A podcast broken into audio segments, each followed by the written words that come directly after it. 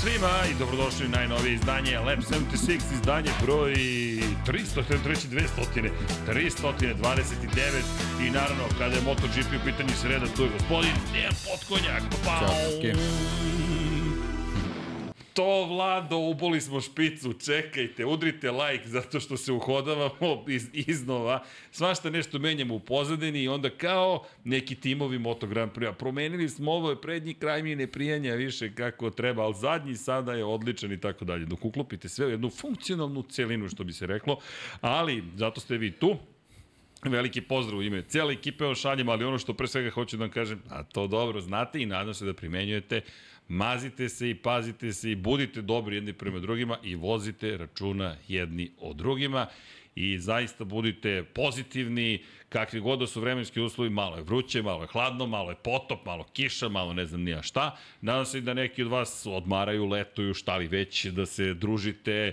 da ste bili na trkama Formula 1, da se pripremate najzad za trku koja nam sledi. Sledeće nedelje je velika nagrada Velike Britanije u Silverstonu. Nadam se će neko od vas biti tamo da predstavlja celu za ekipu, zajednicu celu i naravno da nam šalje neke lepe fotografije, izveštaje i informacije, a do tada naravno pričamo o Moto Grand Prix jer volimo da pričamo o Moto Grand Prix.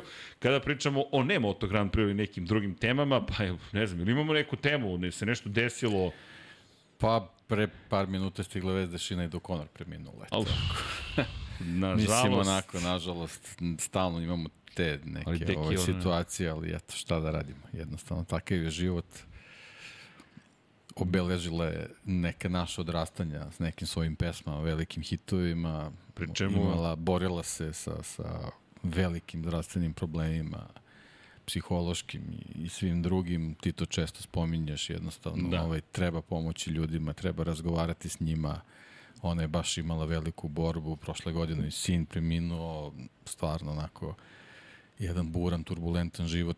Što se nas tiče, to pam, pamtit ćemo je po tim muzičkim ostvarenjima, ovaj, u te neke druge stvari njene ličnosti ne bih ni ulazio, nego eto jednostavno red je da obeležimo odlazak tako jedne velike muzičke zvezde. Jeste, to je za nas nekako uvek pamtiš, naravno, i najveći hitovi se pamte, ali ne bih spominjao samo hitove, već bih spomenuo nju kao ličnost. Zaista je obeležila jedan period, pa čak i taj njen najveći, da. Uslovno rečeno, hit koji je Pa, obrada princove To sam pesme. sad teo da kažem ovaj, na Twitteru, na, na, na vest o, o njenom odlasku, mnogi su ostali komentar, nothing compares to you. Da, i ništa se ne Zaista, može porediti zaista, sa njom. zaista. Posebna da. i nekako merkurijalna otprilike i osoba koja je bila spremna da uđe u sukob sa princom, baš apropo pesme oko, Ma ne samo s princom, sa, svakim. sa velikim sistemima i Jest. jednostavno nije, nije bila neka osoba koji se uklapa u šablone, tako je živela i eto kažem, red je da, da, da, da je ovaj, spomenemo i eto da, da, da na taj način odamo počast.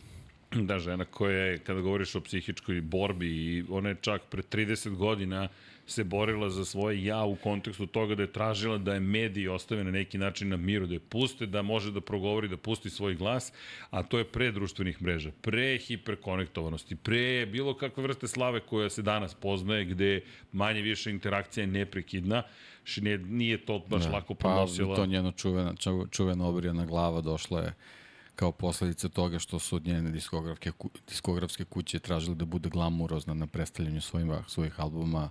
Ona jednostavno apsolutno nije žela se uklopi bilo kakvu komercijalu i to je bio to njen način da, da izrazi svoj bunt i revolt.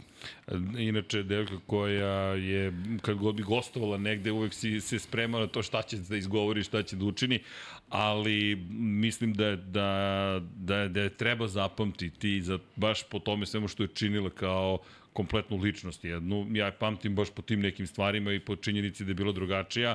Kada govorimo o psihičkim problemima, ljudi stalno pričamo isto svih, pa imamo, svi imamo anksioznost i u najmanju ruku, ako ništa drugo. Svi se borimo sa nečim. Svako od nas u porodici, među prijateljima ima nekoga kome treba pružiti podršku. Fascinantno mi je da čak i u 2023. svu šarenolikost društva i svega što se dešava i mi dalje pričamo o tome, e, ne pomašaš se u skladu sa nekim, ne znam, nija pravilnikom ponašanja ili drugačiji si, čudniji si, samim tim i da osuda, znaš kome često, koga se često setim, Casey Stonera. I to, te, ču, te priče gde i on introvertna osoba u ekstrovertnom svetu, zaista nekako pokazatelj nečega što, što će doći, on je još 2012. rekao, ja neću da učestvujem u tome da je neophodno da neko bude povređen da bismo imali spektakl. Ja hoću da se trkam, naravno uvijek će spektakl, to je show biznis da prati, ali Casey je nekako bio čovek koji je bio spreman da uđe u sukob sa Rosijem, da uđe u sukob sa sistemom, da uđe u sukob sa Ducatijem, sa Hondom, da odlazi, da im se vraća i videli smo ga, pričali smo njemu prošle nedelje, ne, ne kažem nužno da je Shinedo Conor Casey Borba protiv sistema iscrpljuje. Iscrpljuje, a pa ne, sistem je, je To, duga borba. Pa to je borba protiv entropije yes. zapravo, a ona je neprekidna. Ili vetrenjača, može i tako se kaže. može i tako, ali je činjenica da, da, da je, ona je mlada žena bila, dakle, ne znam, 56, 66. godište. Da. 66. šta je to, 57 godina? Deki, to je mlad život. Dakle, baš mi žao što to čujem nekako, često nam se dešava, a iskreno pomislio da. sam kako obično pričamo o muzičkim zvezdama ili zapravo o tom svetu muzike i nekako to nas spaja Pretpostavljam da je život muzika, kosmos je muzika, konačno da. matematika, sve to nekako spojeno. I ne mislim na nekom mističnom nivou, možda se to tumači kao mistika, ali to je zaista matematika. Da. Bar eto tako volim da Pa eto to, ajde, još, ako već pričam o muzici, danas 80 godina puni Mick Jagger, može o, i tako. A, ok, to je drugi, sad, sad druga priča. Da. Mick koji ne znam šta nije učinio u svom životu. E, ali znaš šta, kad spominješ Mika Jaggera, pre nego što uđemo u tematiku, a to je, hoćemo li imati japanske proizvođače, Burazer i ja smo shvatili, to me Burazer zapravo naveo na ta razmišljanja da su u dve pesme saželi ljudsko iskustvo, celokupno životno, Rolling Stonesi You can't always get what you want. Dakle, can't always get what you want. To svi da zapamtimo. Ne možeš uvek da dobiješ to što želiš. I drugo, pesma I can't da. get da. no ta satisfaction. Zašto? kad ste videli zadovoljno ljudsko biće, dakle, tamo nešto postigneš i onda odmoriš dva i po dana i kao, e, sad idemo iz početka nešto da radimo, pa da vidimo gde ćemo stići. Ali to je negdje i pokretačka sila istovremeno makar ja to tako gledam. Konačno, pričat ćemo večeras o ambiciji, zašto su se Japanci uopšte pojavili u svetskom šampionatu u motociklizmu, a i zašto će možda da odu iz šampionata sveta, mada, Ko mada. će ga znati? Mada. Dobro, sa njima nikad ne znaš, sad sam pričao baš sa, sa danas sa drugarom pričamo o nekoj globalnoj saradnji, sad da ne imenujem nacije o kojima smo pričali, ali ne na nivou nacije, nego na nivou kulture, koliko nesporazum imaš u organizaciji. I sticamo okolnosti baš se radilo o azijskim nekim nacijama i kažeš, ti pričaš jedno, da, s druge strane te razumeju drugo, oni tebi pričaju x, ti razumeš y, i dalje postoji taj ne, kulturološki jaz, nije to samo jezički, gde jednostavno, na primjer u Japanu, ljudi ne znaju da kažu ne, na primjer, nekulturno da kažeš ne. I sveća se priča, ja mislim da je bilo sa Cambridgea ili sa Harvarda, gde su imali japanskog profesora koji je bio određen za budžete i on je stalno govorio da ti mu uđeš i on ti kaže da i ti misliš dobio sam budžet. Ne, nisi dobio, on samo ne, ne, ne, ne, ne mu da ti kaže ne. I ti onda dođe vreme za budžet, ti nemaš budžet. Kako nemam budžet? Pa rekao je da.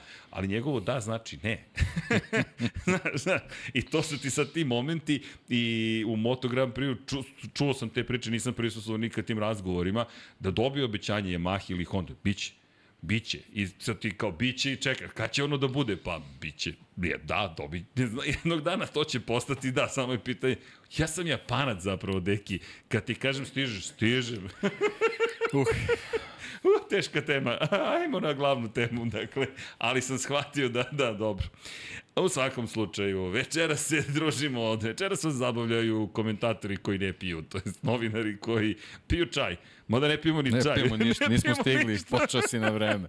Čekaj, Potpuno počeli smo na vreme. Ništa kraj nešto pričaš minut, idem ja da natučem. to, to, samo minut ti treba, deki, nema problema. Ajmo, ljudi, idemo u uvod. Dakle, zašto smo se mi skupili večeras? Zato što Pričamo o Moto Grand Prix, pa navikli ste valjda sreda 21.00, ali moram da vas zamolim za razumevanje i da vam kažem da ćemo od naredne nedelje, pre, mislim, nemojte opet da ne bude japanski sistem kada će tačno biti, ali bi sve ukazuje na to da ćemo zaista sledećeg nedelje pomeriti Lab 76 dan napred. Zašto? Pa naš dragi Pavle Živković, koji je čovek koji je zadužen za Formulu 1, je od septembra ponovo zauzet utorcima i, utorkom i sredom, dok ga ne otmemo skroz, Dakle, i ne može da dolazi u studiju na kraju univerzuma tim danima, što znači da ne možemo da pomerimo Formulu 1 na sredu, a Moto Grand Prix na utorak, već ćemo morati Moto Grand Prix da pomerimo na utorak, a pomerit ćemo Formulu 1 na ponedeljak. Dakle, da bismo mogli sve da uradimo što želimo, a da bude stara, dobro poznata ekipa, jer ljudi su pre svega najvažniji, kako vi, tako ekipa za stolom, tako da Paja negde nas je, neću reći uslovio, ali nas malo pomera i nije to paja. To smo mi, mi smo svi zajedno rešili, ajmo da pomerimo, prosto želimo da budemo zajedno na jednom mestu i da nastavimo da se družimo, eto, to je neka naša želja. Tako da znate, a sad ću i da uđem, nisam ni stigao do teme, samo da znaš. Da, mogu si da pretpostaviš da će se to desiti zapravo. U svakom slučaju, tako da znate, ćemo malo pomerati. Ne zamerite, ostavite komentar u komentarima ili u četu, ukoliko imate predlog, nešto kako, da li da menjamo vreme, da li da pomeramo na 20.00 ili ne. Pričali smo već o tome, čujte, mi volimo navike i nekako nama je lepo utorak sreda, ali isto tako ponekad se pojavi više sila. Tako da vas, eto, molim za razumevanje pre svega. A, što smo se skupili večeras, pa da pričamo o toj čuvenoj priči koju smo počeli zapravo prošle nedelje, nego nekako to postaje sve veća i veća tema I ja bih nas vratio malo kroz prošlost, deki. Zapravo bih nas vratio do momenta koji si ti spomenuo prošle nedelje, a to je krađa brzine zapravo. I kako su uopšte Japanci ušli u šampionat, kako je uopšte izgledao šampionat pre nego što smo došli do toga da nam je nezamislivo da nema japanskih proizvođača, u momentu kada su se oni pojavili u šampionatu... Da, da neko ne pomisli su oni od uvek tu. Da, bukvalno da ne pomisli, e, nisu od uvek tu. Dakle, kada govorimo o svetskom šampionatu u motociklizmu, mi pričamo ovde o zapravo šampionatu koji je svoju istoriju počeo gde, ko je pratio Lab 76 u poslednjih mesec dana, na Isle of, je li Isle of Man na kraju ili Isle of Man ili Isle of Man, pitao sam, nemam ko, ko, ko, konačni odgovor. Malo je... On je što tvrdo izgovaraju Man, sigurno. ali tamo razni, razni razno izgovaraju, tako da, da, da, trebamo nekog lokalnog da pitamo kad budemo otišli. Ta, Dobro, tad ćemo samo saznati. Prema transkripciji jednoj, gledao da. sam, kaže Ostrovo Men, onda pogledam da. drugu transkripciju Ostrovo Man kako god, ćemo Ostrovo Men za sada, pa... Nek stoji, pa ćemo Ajde. lako da promenimo. Ostrovo Men. Dakle, Mi smo fleksibilni. Isle of Man je najbezbedniji izgovor, ali opet to je Ostrovo. Jel te, sve je počelo zapravo 1949. godine na Ostrovo Men kada je održana prva trka, takozvani turistički trofej Ostrava Men. I mi smo tu krenuli, bukvalno smo tad krenuli, godina u kojoj je čak nije ni postojalo još uvek Formula 1, postoji, kažem, ta neka legenda da je navodno ovaj šampionat natera onda Formula 1 zaista se formalizuje na jedan ozbiljan način i imali smo šest trka u tom šampionatu. Isle of Man, veliku nagradu Švajcarske, pazite to, 1955. su zabranjena sva trkačka takmičenja, to smo juče spomenjali posle tragične nesreće u Le Manu, pa, ima, pa smo imali Dačtete ili ti Asen, ta, turistički trofej Holandije, veliku nagradu Belgije, Spa Frankošan. Pri tome smo isto juče pričali, šta ti je istorija? Zamislite sada Moto Grand Prix da se vozi na Spa i zatim idemo, pazite sad ovo, Ulster Grand Prix ili ti velika nagrada Severne Irske u Klediju i velika nagrada nacija u Monci.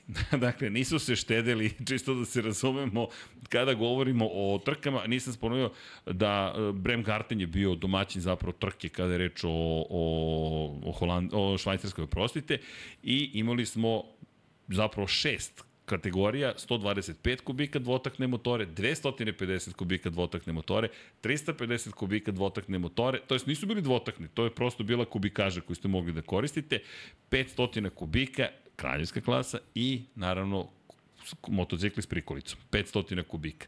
Dakle, to su bile kategorije koje su tada postojale i nisu na svakoj trci se vozile trke svih kategorija. Jedina kategorija koja se vozila na svakoj trci bila je od 500 kubika. I ne samo po snazi, već i generalno to je stoga bila, jel te, borba za krunu u najjačoj kraljevskoj kategoriji. Ko je bio svajač titule? Leslie Graham. Da li znate ko je bio proizvođač? AJS. Dakle, kada pričamo o proizvođaču, evo vlada gleda, koji nije u ovom univerzumu, šta misliš iz koje države je AJS? Tako je, iz Wolverhamptona. To je za vas dvojcu informacija koja je značajna. Dakle, kada govorimo o Wolverhamptonu, jedino što znam u menadžeru da postoji, je li Wolves ili kako već? Wolves, pa da. A čekaj, nešto znam. Mislim, oni žučkasti beše. Pa, naravno da ste. Tako, Okir. dobro. Elem, i to je bio osvajač titule. Ko je bio proizvođač broj 2, zahvaljujući Neliju Paganiju? Gilera. Dakle, Gilera, zatim Norton. Da li znaš odakle je Norton? Škotska. U, ovo je sad baš ono, lokalizacija. E, Velika Britanija svakako, moram ti priznati, nisam ne znam da li to pripada Škotskoj. Sad ću da vidim. West Midlands, Engleska. Dakle, Engleska, dobro, vidi Vlado, ali pogodio si ostrvo, dakle, to je to. Moto Guzzi, Veločete, Triumf, Deki, ako pogledamo, dve države su bile glavne Apsolutno. koje su igrale ulogu broj 1, a to su bile Velika Britanija i Italija. Zamisli. Čudno mi čuda. čudno mi čuda. I to je bila zaista kategorija od 500 kubika u kojoj je AJS inače osvojio prvu titulu šampionata Italija, konstruktora. Velika Britanija. Tako je, Italija, Velika Britanija. Racing Green, Racing Red. Da, to vidiš, uopšte mi nije palo na pamet, ali da, još uz ovu Rolexovu, ovo je inače knjiga koju možete kupiti o Formuli 1, ona je skupa, skuplja, ajde tako. A možete da je kupite. A možete da kupite najskuplja knjiga koju imamo prosto u nabavci je najskuplja. Ikad. Ikada, 7200 dinara. Dakle, danas smo baš nešto pričali o cenama i kao 7200, 6000 je zapravo ona, ali i porez je 20% duga priča, da je ne ponavljam, i 4000, je li tako beše, 207, 300, 276, ne mogu više, u svak 276 i 99 kama, ali činjenica je da su to Biblije zapravo Formula 1 i Moto Grand Prix. Elem, da se vratimo mi na uvod koji će očigledno malo da potraje. 350 kupa, kubika veločete AJS, Moto Guzzi, Benelli, opet Norton i tako dalje. U 125 kubika Mondial, Morini, MV Agusta. Za one koji ne znaju, Mondial je Italija, ako za one koji ne znaju, Morini je Italija, za one koji ne znaju, MV Agusta je Italija. I kada dođete do proizvođača motocikala s prikolicom, e, tu postoji jedna anomalija i zove se BMW. Dakle, BMW koji ima je, jednu posadu zapravo iz Švajcarske, Roland Benz i Max He- He- Herzl su vozili na BMW-u, sve ostano Nortoni i Gilere su zapravo bile. Ili ti, ljudi, Japan nije bio nigde nije postojao kao koncept dakle u šampionatu sveta i to se zaista dugo nije promenilo. Vi morate da čekate do še, sredine 60-ih godina da biste došli do toga da pričamo uopšte o Japanu. BMW se, kažem, povremeno pojavljivali Britanije, igralo glavnu ulogu zajedno sa Italijom i to je tako trajalo i trajalo i trajalo i trajalo. Kada je reč o, o šampionima, dosta je logično, dakle, kada govorimo o prvacima, dolazili su upravo iz krugova ovih konstruktora, dok se nije desilo par stvari. Jedno od njih, Ernst Degner, za one koji ne znaju, Ernst Degner, ja kažem ti, već sam pričao sa Oakslijem, mi ćemo da otkupimo prava i za Stealing Speed, tu je negde krađa brzine, Da vam ne prepričam celu knjigu, ali Ernst Degner je čovek po kojem u Suzuki imate dve krivine, Degnerova prva i druga krivina. Inače, ironija je da se te krivine zovu po njemu zato što je tu imao stravičan udes i udario je u zid tamo kod eh, pa šta je ono, nadvožnjak deki, kod mosta, Degner je tu imao Pa, stravičan incident i bukvalno je, ta krivine su, te krivine su dobile naziv po njemu, osvojio i titulu za Suzuki, međutim, zašto je Ernst Degner bitan?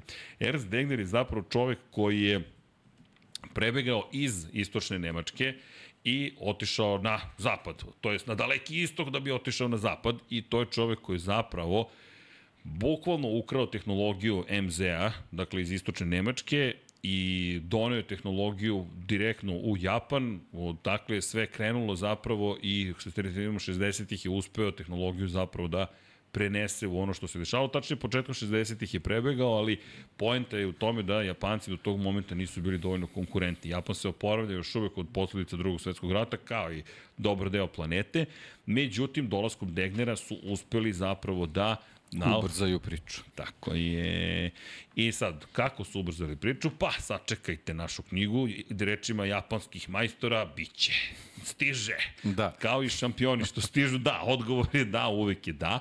Ali u svakom slučaju to je zaista bila velika stvar koja se desila, s obzirom na činjenicu da je doneo, direktno je doneo u Japan tehnologiju, pre svega kada je reč o rezonantnosti e, izduvnog sistema na, na dvotaknom motoru. Ko ne zna, izduvni sistem na, moto, na dvotaktašima vam je, pa ako vam otpadne izduvni sistem, ne morate ni da se trkate, ne morate ni da vozite. Dakle, pojenta je da zapravo, zahvaljujući rezonatoru koji formiraju, zahvaljujući obliku izvornog sistema vi zapravo kontrolišete pritisak gasova, povratnih gasova i izduvnih gasova i na taj način omogućavate bolje da se suštinski zapečati sistem dvotaknog motora i da povećate značajno snagu i da dobijete, poboljšate sagorevanje i dođete do toga da vi zapravo imate konkurentan, to je trkački motocikl. E, to se desilo sa Ernstom Degnerom i Degner je sa MZ-om se takmičio do 1961. 62. je seo na Suzuki i odmah osvojio titulu, inače titulu osvojio samo sa Suzuki i trkao se do 1966. Zašto to spominjem? Zato što odatle praktično kreće tek priča o japanskim proizvođačima i kada pogledate, tu imamo prekretnicu sa, sa ulazkom zapravo prvih japanskih proizvođača. Ono što je bitno napomenuti, počele su da se pojavljuju Honda, i malo pre toga i imali smo priliku da gledamo zapravo kako dolaze u šampionat i neću reći sa podsmehom, ali ne baš kao preterano ozbiljne proizvođače su ih posmatrali evropljani, prosto su smatrali da nemaju šta da traže u tom šampionatu, da jednostavno Hondi tu nije mesto. Konkretno, kada pričamo o Hondi, e, to moram da vam priznam, pogledajte Lab 76 broj 1. Lab 76 broj 1, ma, mo, sad ću da nađem link, dakle, a, bukvalno je to jedna od prvih priča koju smo imali kada je reč o Lab 76. Dakle, Lab 76 broj 1, nemam pojma gde je link za keca, ali ljudi pogledajte taj prvi Lab 76, jer se sećam da je to bila Žarko ja smo snimali na Adi Cigandi, to je pre neki dan su puštali pa su se smeli što sam okružen šumom i drvećem. Rekao, šta je ljudi smešno, to odatle je sve krenulo. Elem, pogledajte jedinicu i bit će vam manje više sve jasno s obzirom na činjenicu da je i za nas to tako počelo, jel te, u šumi negde tamo sa Japancima. I pogledajte priču o prvom japanskom motociklu, sad ću da nađem link, sad sam se nameračio, Deki je već uveliko doneo vodu, skuvao čaj, pobrao čaj, evo ga, Lab 76, čekaj, i jao, Deki, pa nema ni, da, čak nisam ni obeležio da nije za decu. Tako da me sad YouTube pita da li je ovo program za decu. Nije program za decu, to je program za odrasle. Elen, čekaj da ubacim link. Ovaj, ovo će biti hit. U, pustio sam u špicu. Sve sam pustio. Ne se copyright claim da bude. Ne, ne, ne, čekaj da nađem gde mi je. Gde mi je, gde mi je pričao o... o... Blokira sam sebe. da, čekaj, čekaj, evo ga, evo ga. Sad sam, našao sam motocikl. Čekaj, gde mi je Honda. Jao, pa ovo je tako uspe, flashback. Jao, flashbackovao sam se, bukvalno. Evo ga. Gledaj sad ovo. Honda RC 143. Mnogo je bila bitna u toj priči. A znaš odakle je priča? Jao, kakav se ovo sve spojilo. Kakav krug smo napravili, deki. Ja ću vam sada poslati tačno sa vremenom, e, ta, sa, čekaj, share, ali mora da ima time kod na 9 minuta. Inače, neverovatno li istini to, taj Lab 76 je trajao 28 minuta i 49 sekundi. Ovaj sad već traje 28 to sam teo da ti kažem, da dakle, sad ću da ga zakucam, pinovaću poruku. Zatvori, ne, ne.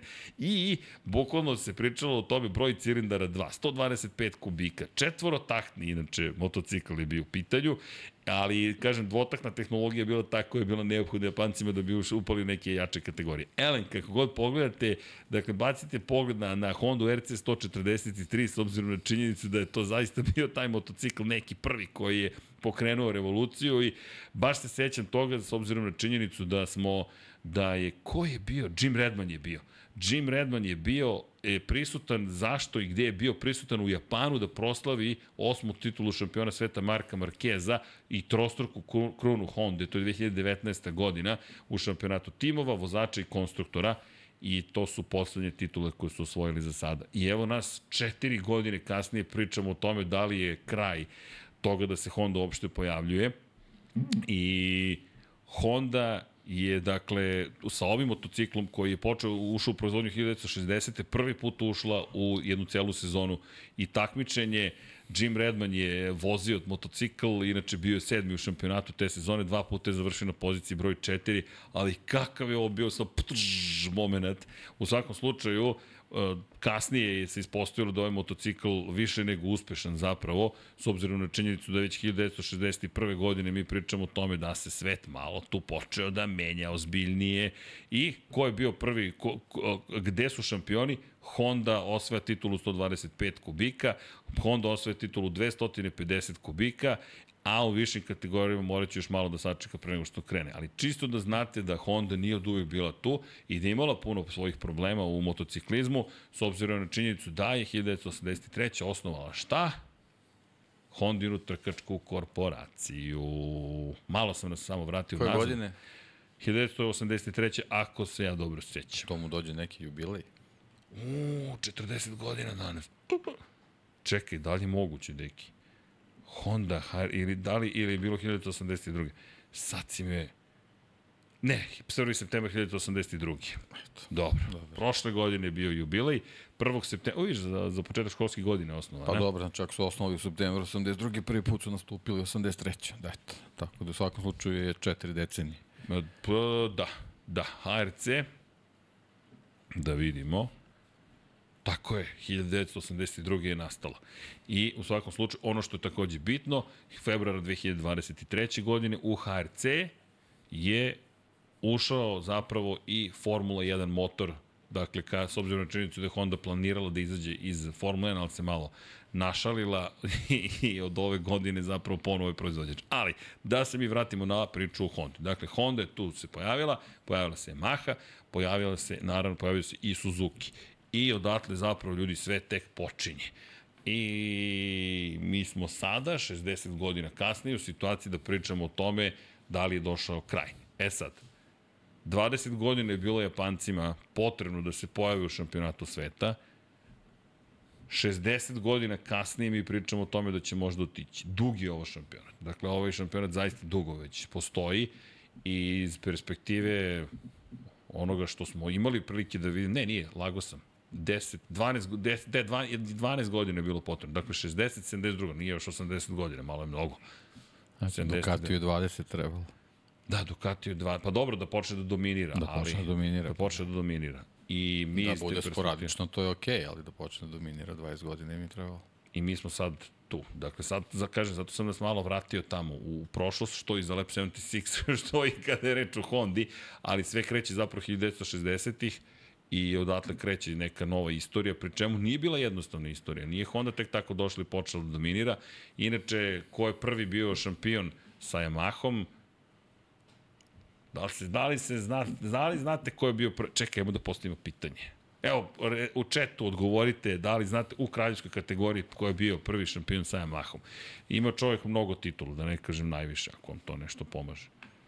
Ja mislim da to sasvim u redu što sam upravo rekao, s obzirom na činjenicu da nije tako teško pogoditi i njega smo spominjali, a radi se o čoveku koji je obeležio zapravo period sa MV Agustom pre nego što je postao čovek koji je poslednju svoju titulu osvojio zapravo za upravljačem čega, koga, Yamahe. 1975. godine, Giacomo Agostini.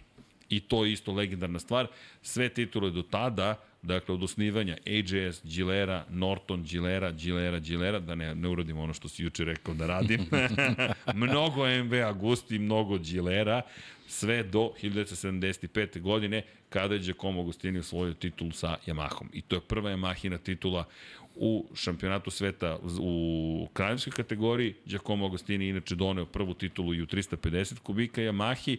Pre toga, Yamaha je već uspostavila uh, da kažem, svoje mesto pod suncem u 250-icama, konkretno Phil Reed je bio prvi Yamahin šampion, Jim Redman, spomenuo ga malo pre, je čovek koji je uspeo da, da osvaja titul, ali nije bio prvi na Hondi koji je osvojio titulu, Tom Phillips je zapravo za Australiju to učinio, Mike Hale je to učinio 250 kubika, posle su došli i Luigi Taveri i tako dalje i tako dalje, inače Degner je osvojio titulu 50 kubika za one koje i to zanima. I dugo su te niže kategorije bile zapravo mesto u kojima su uspevali da japanski proizvođači dolaze do titula, međutim MV Augusta je držala neprikosnovenu prvu poziciju, čisto kada pričamo o dominaciji od 1958. godine do 1974. kada osvajaju poslednju titulu, niko osim vozača MV Augusta nije bio šampion. Niko osim vozača MV Augusta nije bio šampion i onda smo došli do promene Giacomo Agostini, zatim dolazi Barry Sheen, Dakle, Barry Sheen, koji ponavlja od odbranu titule 1977. Pa Kenny Roberts, tri titule za redom sa Yamahom, pa onda Marco Lucinelli sa Suzuki, pa Franco Uncini sa Suzuki, pa Freddy Spencer sa Hondom, pa Eddie Lawson sa Yamahom, pa Freddy Spencer sa Hondom, pa Eddie Lawson sa Yamahom, pa Wayne Gardner sa Hondom, pa Eddie Lawson sa Yamahom, pa Eddie Lawson sa Hondom, da ne zaboravimo pa, to. Pa Spencer i Gardner nekako su tu Hondu uzdigli onako da, da nam upadnu u oči svima. Jeste. Do tada vrlo je bilo zapravo to izjednačeno u bitkama, ali Yamaha je dobijala te bitke, Suzuki je Yamaha, dobijao te bitke. Yamaha i Suzuki. Da. Tako je. I onda dolazi ta 1980. Dosta privatnika je bilo na Suzuki. E, inače, 83. prva ta titula koja je osvojena, upravo zahvaljujući HRC-u i Frediju Spenceru koji osvajaju titulu zajedno. I počet, ali pazite taj početak, HRC kada je osnovan, već počinju titule da se osvajaju. I kada pričamo o uspesima, Yamaha je ta koja je zapravo prva uspela kada je reč o svetskom šampionatu u kraljevskoj klasi, ajde da pričamo o kraljevskoj kategoriji, da dođe do samog vrha sveta. I to je zaista nešto što je bilo neverovatno u jednom trenutku da će neko oboriti MV Agustu, posle toga je bilo teško oboriti Hondu, pri čemu u velikoj meri se postoje pitanje kako bi istorija izgledala da se nije povredio Wayne Rainey. Wayne Rainey je osvojio tri titule za redom, 90, 91, 92. 93. se povredio, Kevin Schwantz je osvojio titulu sa Suzuki, nažalost nepokretan je od struka naniže postao Wayne Rainey, pa stravičan u Mizanu, dakle, oh, grozan i, i danas moment taj kad se setim, a potom počinje Mick Duan, zapravo mnogi od nas su, su u to vreme bili mladi ljudi kada je Mick Duan se pojavio i počeo da dominira i nekako je utisak bio da je Honda od uvek tu. A nije, to je tek početak ere dominacije Honde, koja je na kratko prekinuta kada je u Suzuki u Kenny Roberts osvojio mlađi titulu, a onda je došao Valentino Rossi. Kao da nije bilo dovoljno. I onda je rekao, pošto smatrate da mi je motocikl sve, odoh ja na Yamahu i onda su se tu promešale karte. Casey Stoner uleteo sa Ducati 2007. do 2022. Međutim, mi nismo dobili novog Ducatijevog šampiona. Umeđu vremenu što Jorge Lorenzo na Yamahi, što Mark Marquez na Hondi, John Mir na Suzuki, Fabio Quartararo na Yamahi i sada smo u situaciji da mi pričamo o tome da nemamo kraj japanske dominacije. Ali deki, ako stavimo stvari u perspektivu, šta je? Ducati će da, da osvoji titul ove godine i to će biti treća titula u istoriji Ducatija. Je li to zaista dovoljan razlog da mi te bukvalno te čekaj, čekaj, aj pokaži ponovo, molim te, da, e, to, je, to je bukvalno to, a Honda opet ne možemo da prikažemo u, u, u, u ekranu. Ja stvarno mislim da nije dovoljno da kažeš, više mi deluje kao panika na sve strane, uključujući nas. Pa dobro, da, kad malo, sabereš, malo se tu. Dramica. Ta, euforica. Ali deki, da smo stvarno došli do stadima, kažemo, to je kraj. Pa, najveće pitanje je, mislim, pričali smo još o prošle godine, pričam, ja stvarno ne, ne mogu da zamislim da, da, da neko u te dve korporacije može takvu odluku da donese. Ali ovaj, stvar je, nije sad toliko stvarnim agregatima koliko u njihovoj raspoloženosti da prate neku tehnologiju koju nisu sami osmislili, koja se ne uklapa u njihovu filozofiju. A ja opet s druge strane ne mogu da zamislim da li mogu da se pomire s tim i da kažu ok, sad ćemo mi da radimo ono što rade ovi evropljani koji su već uradili, osim ako neki Degner ne, ne prebegne, pa, to, to, pa i nešto, to nešto treće ne donese. Pa, Tako da ne, ne znam zaista, ovaj, znači njima stvarno treba verovatno da, da u njihove redove dođe neko ko će im ko će ih uputiti u kom smeru treba da idu. Ja, ja ne verujem da oni sami uopšte žele da, da, da nešto menjaju. Pa znam, ali od toga da su spremni da otmu čoveka iza gvozdene zavese da bi dobili tehnologiju. Pa dobro, to sad malo teže ide. Nisam siguran da to može da se izvede tako, ali verovatno treba neko da dođe tamo da im kaže, e, hajmo sad da radimo ovako i ovako oni sami kao da, da su nekoj začaranoj šumi i ne znaju kako da izađu odatle. Meni je i dalje zaista neverovatno. Mi... Pobeda Aleksa Rins ove godine pokazuje da nije point u, u agregatu u pogonskoj jedinici, nego u nekim drugim elementima koje jednostavno treba dokučiti šta treba da se uradi. Nije dovoljno samo kopirati ili, ne znam ne, ne, šta. Ti si apsolutni genije i svi koji se niste još subscriberi na Lab 76, ja vam toplo preporučujem to učiti. I ne samo što vam preporučujem, ja vas molim da to uradite. Dakle, ugasite uh, zvonce, čk, kliknite na notifications, ugasite da vas ne uznemiramo jel te, zvonjenjem, ali učinite to iz više razloga. Jedan od njih je da čujete šta ima Deki da kaže i reći ću vam zašto sve spojeno. Uvek volimo da spojimo teme, ali čitam, da, čitam sad baš priču to o, o, o, o putu kojim bi trebalo da zapravo ide se kada je reč o rešavanju problema s kojim se suočila Honda i The Race i Simon, nije, čak mislim da nije ovoga puta Simon Peterson uh, pisao članak, ali se radi o tome da smatraju da na pogrešan način se ide u rešavanje problema. Valentin Korunži, E, Korunži. Nisam upoznao gospodina, nadam se da hoću.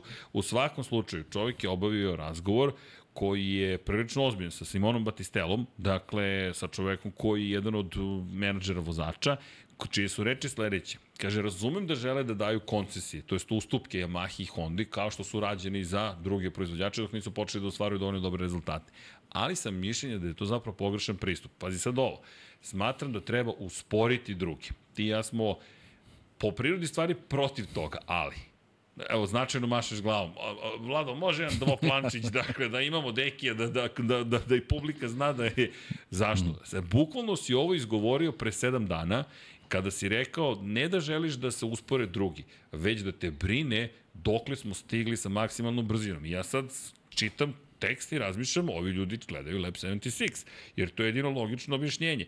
Pošto ovo objavljen tekst danas, dakle danas je objavljen tekst, ja čitam i razmišljam, čekaj, ja sad slušam Dejana Potkonjaka, zašto ga slušam? Jer sam subscribe-ovan na Infinity Lighthouse i udario sam like. Tako da, like, ali zaista, deki, i sad Batistela koji, koji priča, Ljudi, 366 km na čas je brzina kojom se trenutno kreće vozači. Da, to potpuno oduševljava, ali ćemo doći do još nekih stvari koje si spominjao u ovoj eri je skraćen zaostavni put. Dakle, koči se sve kraće, brzina na temenu krivine je sve veća, rekordi padaju. Svi smo, oduševljenje. Ali, vraćamo se na priču koju smo pričali. Jack Miller protiv Joana Mira, Ducati protiv Suzuki, prošle godine u Portimao, ti čak ni na Ducatiju, nevezno je koju brzinu imaš, nemaš gde da kočiš, zato što će Suzuki vozač da koči, na primjer, 222 metra pre krivine, a ti ćeš morati da kočiš na 218 metara pre krivine, ta 3 metra, ćao, ti si ćao ili gubiš kontrol nad motociklom i padaš i pokupit ćeš i sebe i izbacit ćeš sebe, pokupit ćeš drugog vozača ili nećeš uopšte uspeti da skreneš, nego ćeš samo nastaviti pravo.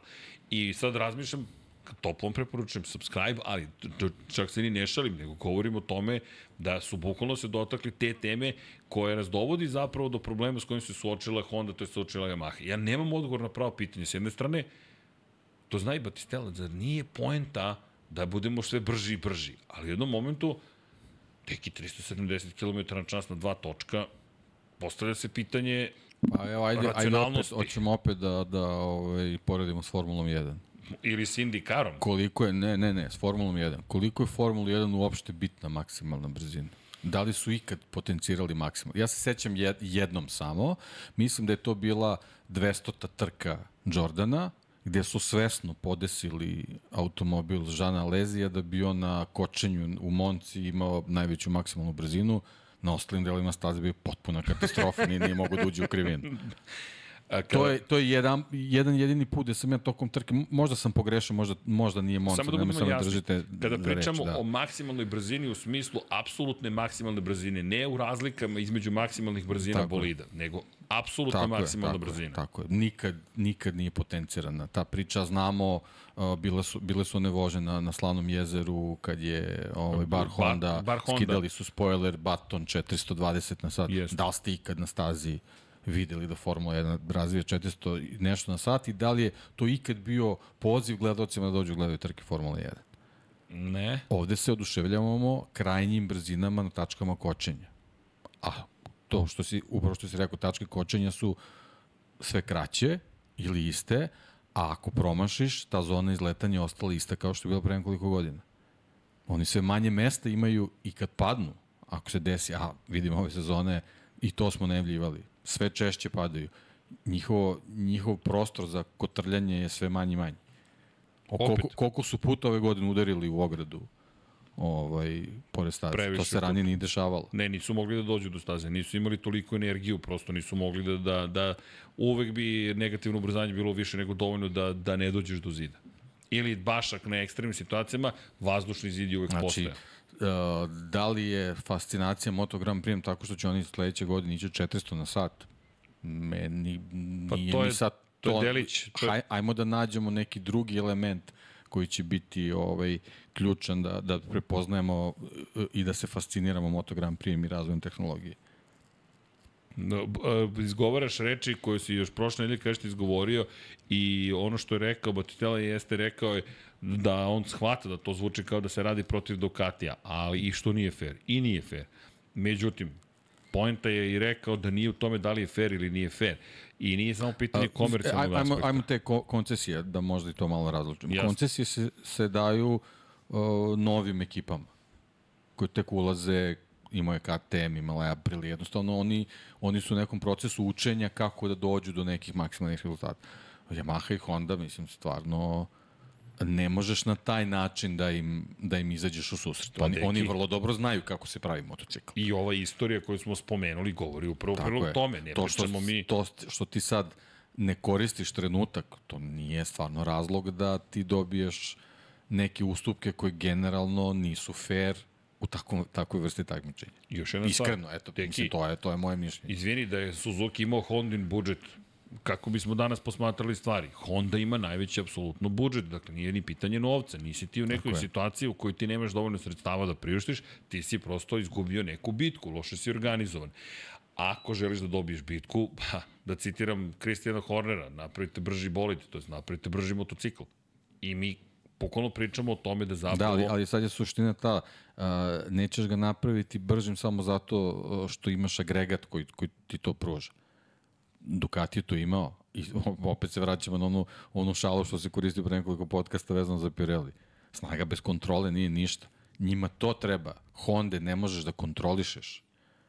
To je poenta. Mi smo prošlu trku imali trojicu povređenih, da kažemo, prvotimaca Honda, zato što nisu mogli da kontrolišu svoje motocikle. Ne zato što su oni bili brzi ili spori. Da su spori, oni bi sad vozili sledeće trke bez, bez ikakvih problema. Ne bi bili povređeni s tim motocikli spori.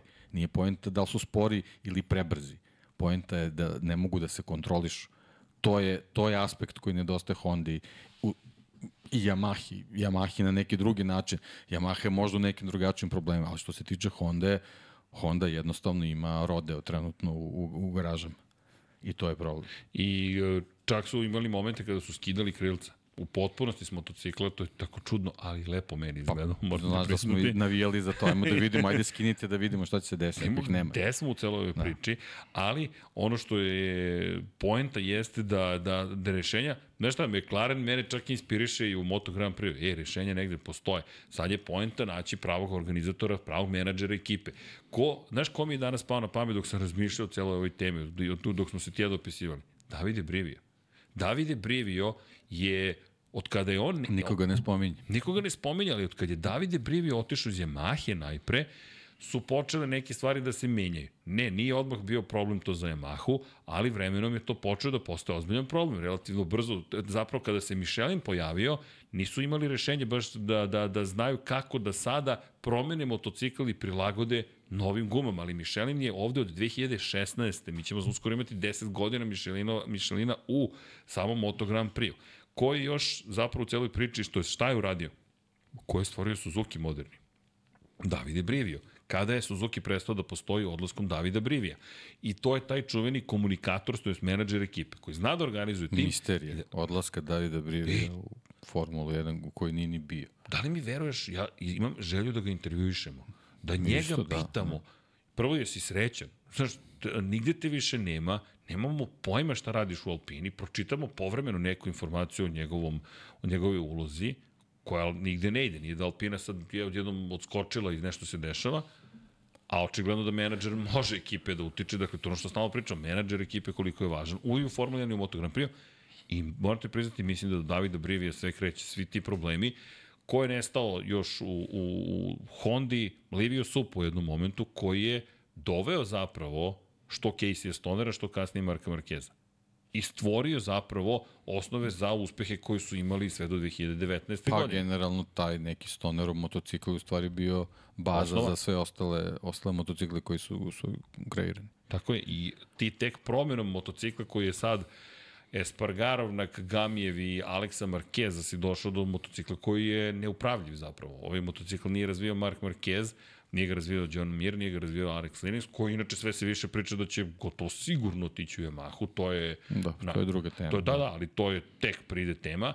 E sad, samo da spomenem Yamaha koja kaže odgovorno, mi nećemo otići iz šampionata, to jest, gledaju ka Kalu Kračlovu, kao čoveku koji treba da ih spasi. Sad, meni, ideja da će Karl Kračlov doći u Motegi i prema rečima Yamahe da će to biti prekretnica u njihovom razvoju, deluje čudno, najblaže, najblaže rečeno.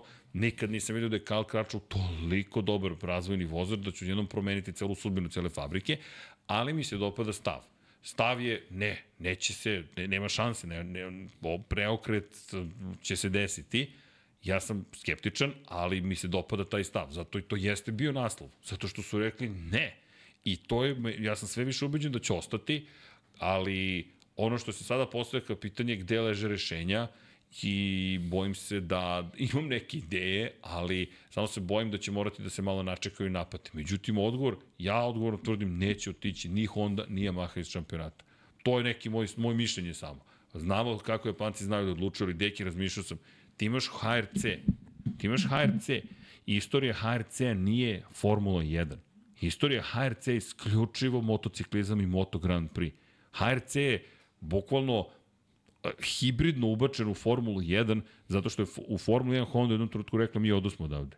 Pokulo je rekla, ej ljudi, mi se pakujemo, mi idemo pa, odavde. Pa, ostali su bez jedne titule. Lagane. L lagane titule, zato što se ta titula vozi ka, vodi kao vozi. E, inače da, kad smo kod vozija, da pozdravimo našeg sponzora emisije između ostalog. mi na spoileru gore. Jer ti o, da, ostaje kod Šarla, dobro. Dakle, vozi ili ti prva, to je broj 1, digitalna pomoć na putu. Pre svega hvala ekipi iz Vozija, ali da ne bude hvala tetki što nas je podržala samo. Hoćemo da vam kažemo da je zaista ovo neka lepa saradnja. Da li će se nastaviti, ne znamo, mi se nadamo da hoće, ali hoćemo da vam kažemo da sada u periodu kad idete na letovanja, Dakle, isto ćemo vam reći kada god da putujete, vozi i idealan partner u celoj priči s obzirom na činjenicu da vozi vam omogućava da nam u telefonu kroz mobilnu aplikaciju imate pomoć na putu u svakom trenutku. Dakle, zahvaljujući geolokaciji, dovoljno je samo da kliknete dugme za pomoć, Deki, samo te podsjetim, sutra ti ističe pretplata za vozi Evropa. Dakle, i da ponovimo, ukoliko ne želite svaki nedelj ovo da slušate, sada kliknite na link koji u opisu videa, instalirajte vozi aplikaciju. Dosta je jednostavno, imate godišnje pretplate, to je godišnju člansku kartu, da je tako nazovem, i Deki koristi vozi Evropa, to čak, kažemo, još od ranije koristimo, osnovljamo se na vozi, uplatite novac, da vam ne govori sada na pamet koja je trenutna cena, ali nije zaista skupo, pogotovo nije skupo, ja znam, s obzirom na činjenicu da mi je bila potrebna pomoć na putu svoje vremeno, ali pojenta da neko radi taj posao za vas, vi kliknete jedno dugme, a call center ekipe iz Vozija, koja je krajnje ozbiljno profesionalno, će završiti ostatak posla. Tako da, znate, evo juče smo imali drugara koji je išao na Formulu 1 i koji je rekao, e, u sredu mi je bio potreban vozi. Tako da, da biste mogli da se vozite bezbedno, instalirajte vozi. I hvala im na tome, a ukoliko želite nemoguću misiju, e, onda idite u bioskop i gledajte odmazdu prvi deo, s obzirom na činjenicu da je takođe ekipa iz Paramount filma nas izabrala da promovišemo film. Deki, jel se mi skupljamo sutra da Ja to računam da... Pa tako je najavljeno. Tako je, mi smo najavili, sutra vam spojlujemo odmazdu prvi deo. dakle, sutra najzad imamo mogućnost da spojlujemo i piše, bio ovaj velikim slojem, neće pisati spoiler, da ne mislite da smo uzeli prednji ili zadnji kraj nekog automobila. To je stabilizator. To je stabilizator, tako je. dakle, mi ćemo da vam kvarimo zabavu, to jest mi ćemo da otkrijemo šta se dešava, koja je tema, ko, ko su junaci, ko su antijunaci. Imam neki ideje, moram ti reći, možda ću zvučati pomalo kao da sam iz Dan Brownovog nekog filma, šta sam sve uočio tokom filma i baš me zanima da li ti to tako vidiš ili ću ti delovati kao da sam baš previše ozbiljno shvatio neke letnje blockbuster filmove. Kako god, poenta, idite gledajte nemoguću misiju, super je film, odmah da prvi deo. A iako nas niko ne proće da promovišemo Oppenheimera, činjenica Paramount film je distributer, idite gledajte Oppenheimera, zaista ćete se lepo zabaviti u jednom i drugom slučaju. I sada da se vratimo gde? Ne znam kako sam došao do vožnje, ali bilo je vozi, neko je vozio nešto, nekom je nekako nešto, gde smo bili Casey Stoner vozio, čekaj, čekaj, vratit će se film, ajmo čeka Srđo, vrati film, vrati film, vrati film, vrati film. Šta smo rekli? Stoner je razvijao motocikl. Da, osnova, Marquez, pa su onda Bespargaro, a nije bio dobar. Vozi, Davide Brivio, Uf, ne, to sad možda je bilo i pre toga. a ovo smo se zaglavili. A ovo sam nas zaglibio. A ovo, pomozite. Stuck in the middle Po, video. pomoć prijatelja. šta smo vozili, Vlado? Više se niko ne sjeća šta smo vozili. Ajmo publiku, naša draga Čekaj Vojena. da vidim da li se neko Da li sluša neko na času. četu? da nas neko sluša na času? O, da li nas neko sluša na čatu? Može i tako da je. Može i tako. A? Slušanje na čatu. Na manu, menu, četu, čat. Manu, menu, čatu, četu. Honda, lahka titula, pa onda bolid nevoziv. Eto ti, sad tu smo bili, jel tako? E, dakle, bili smo kod Honda, laka titula. E, da, Bron, nešto, Ne, ne, ne, ne, ne, ne. Red Bull Power Trains se Aha. zove potpis za Hondu. Prošle godine Honda nije osvojila titulu zvanično, već je osvojio RBPT, tako da. se zove potpis Red Bull Power Znači dve Trains. titule su izgubili. Ne, ne, Prvo sa Bronom, pa sa... a da, sa, ne, ali dobro, sa Bronom je bio Mercedesov motor. Pa dobro, Ali ali, njihova nije ekipa, trebalo da bude, su nije ekipu, trebalo da, da, da. bude Mercedesov motor, to je poenta. Ne, znaš koja bi bila jedina veća iro- ironija? Da Toyota kad je prodala svoj tim, da, da, je to ta, da su oni osvojili titulu. Da. Čekaj, kome je Toyota prodala tim? Ko je nasledio Toyotu? Honda, Da li je? Je, je- su je ugasili? Nije, prodali su je nekome. Toyota, Pa ni oni su bili u Kelnu. Ne, ne, nisam siguran da je neko u Kelnu završio. bili su u Kelnu, a vazdušni tunel znam da su svi uzeli, ali ne, samo se ugasio tim. Samo se Nema, ugasio, ko da, Toyota, ko Toyota je to bilo kao su su komisijski isecite ovo Spalite vozilo, filmove. spalite filmove, napustite bazu u Kelnu i to bi bilo sve.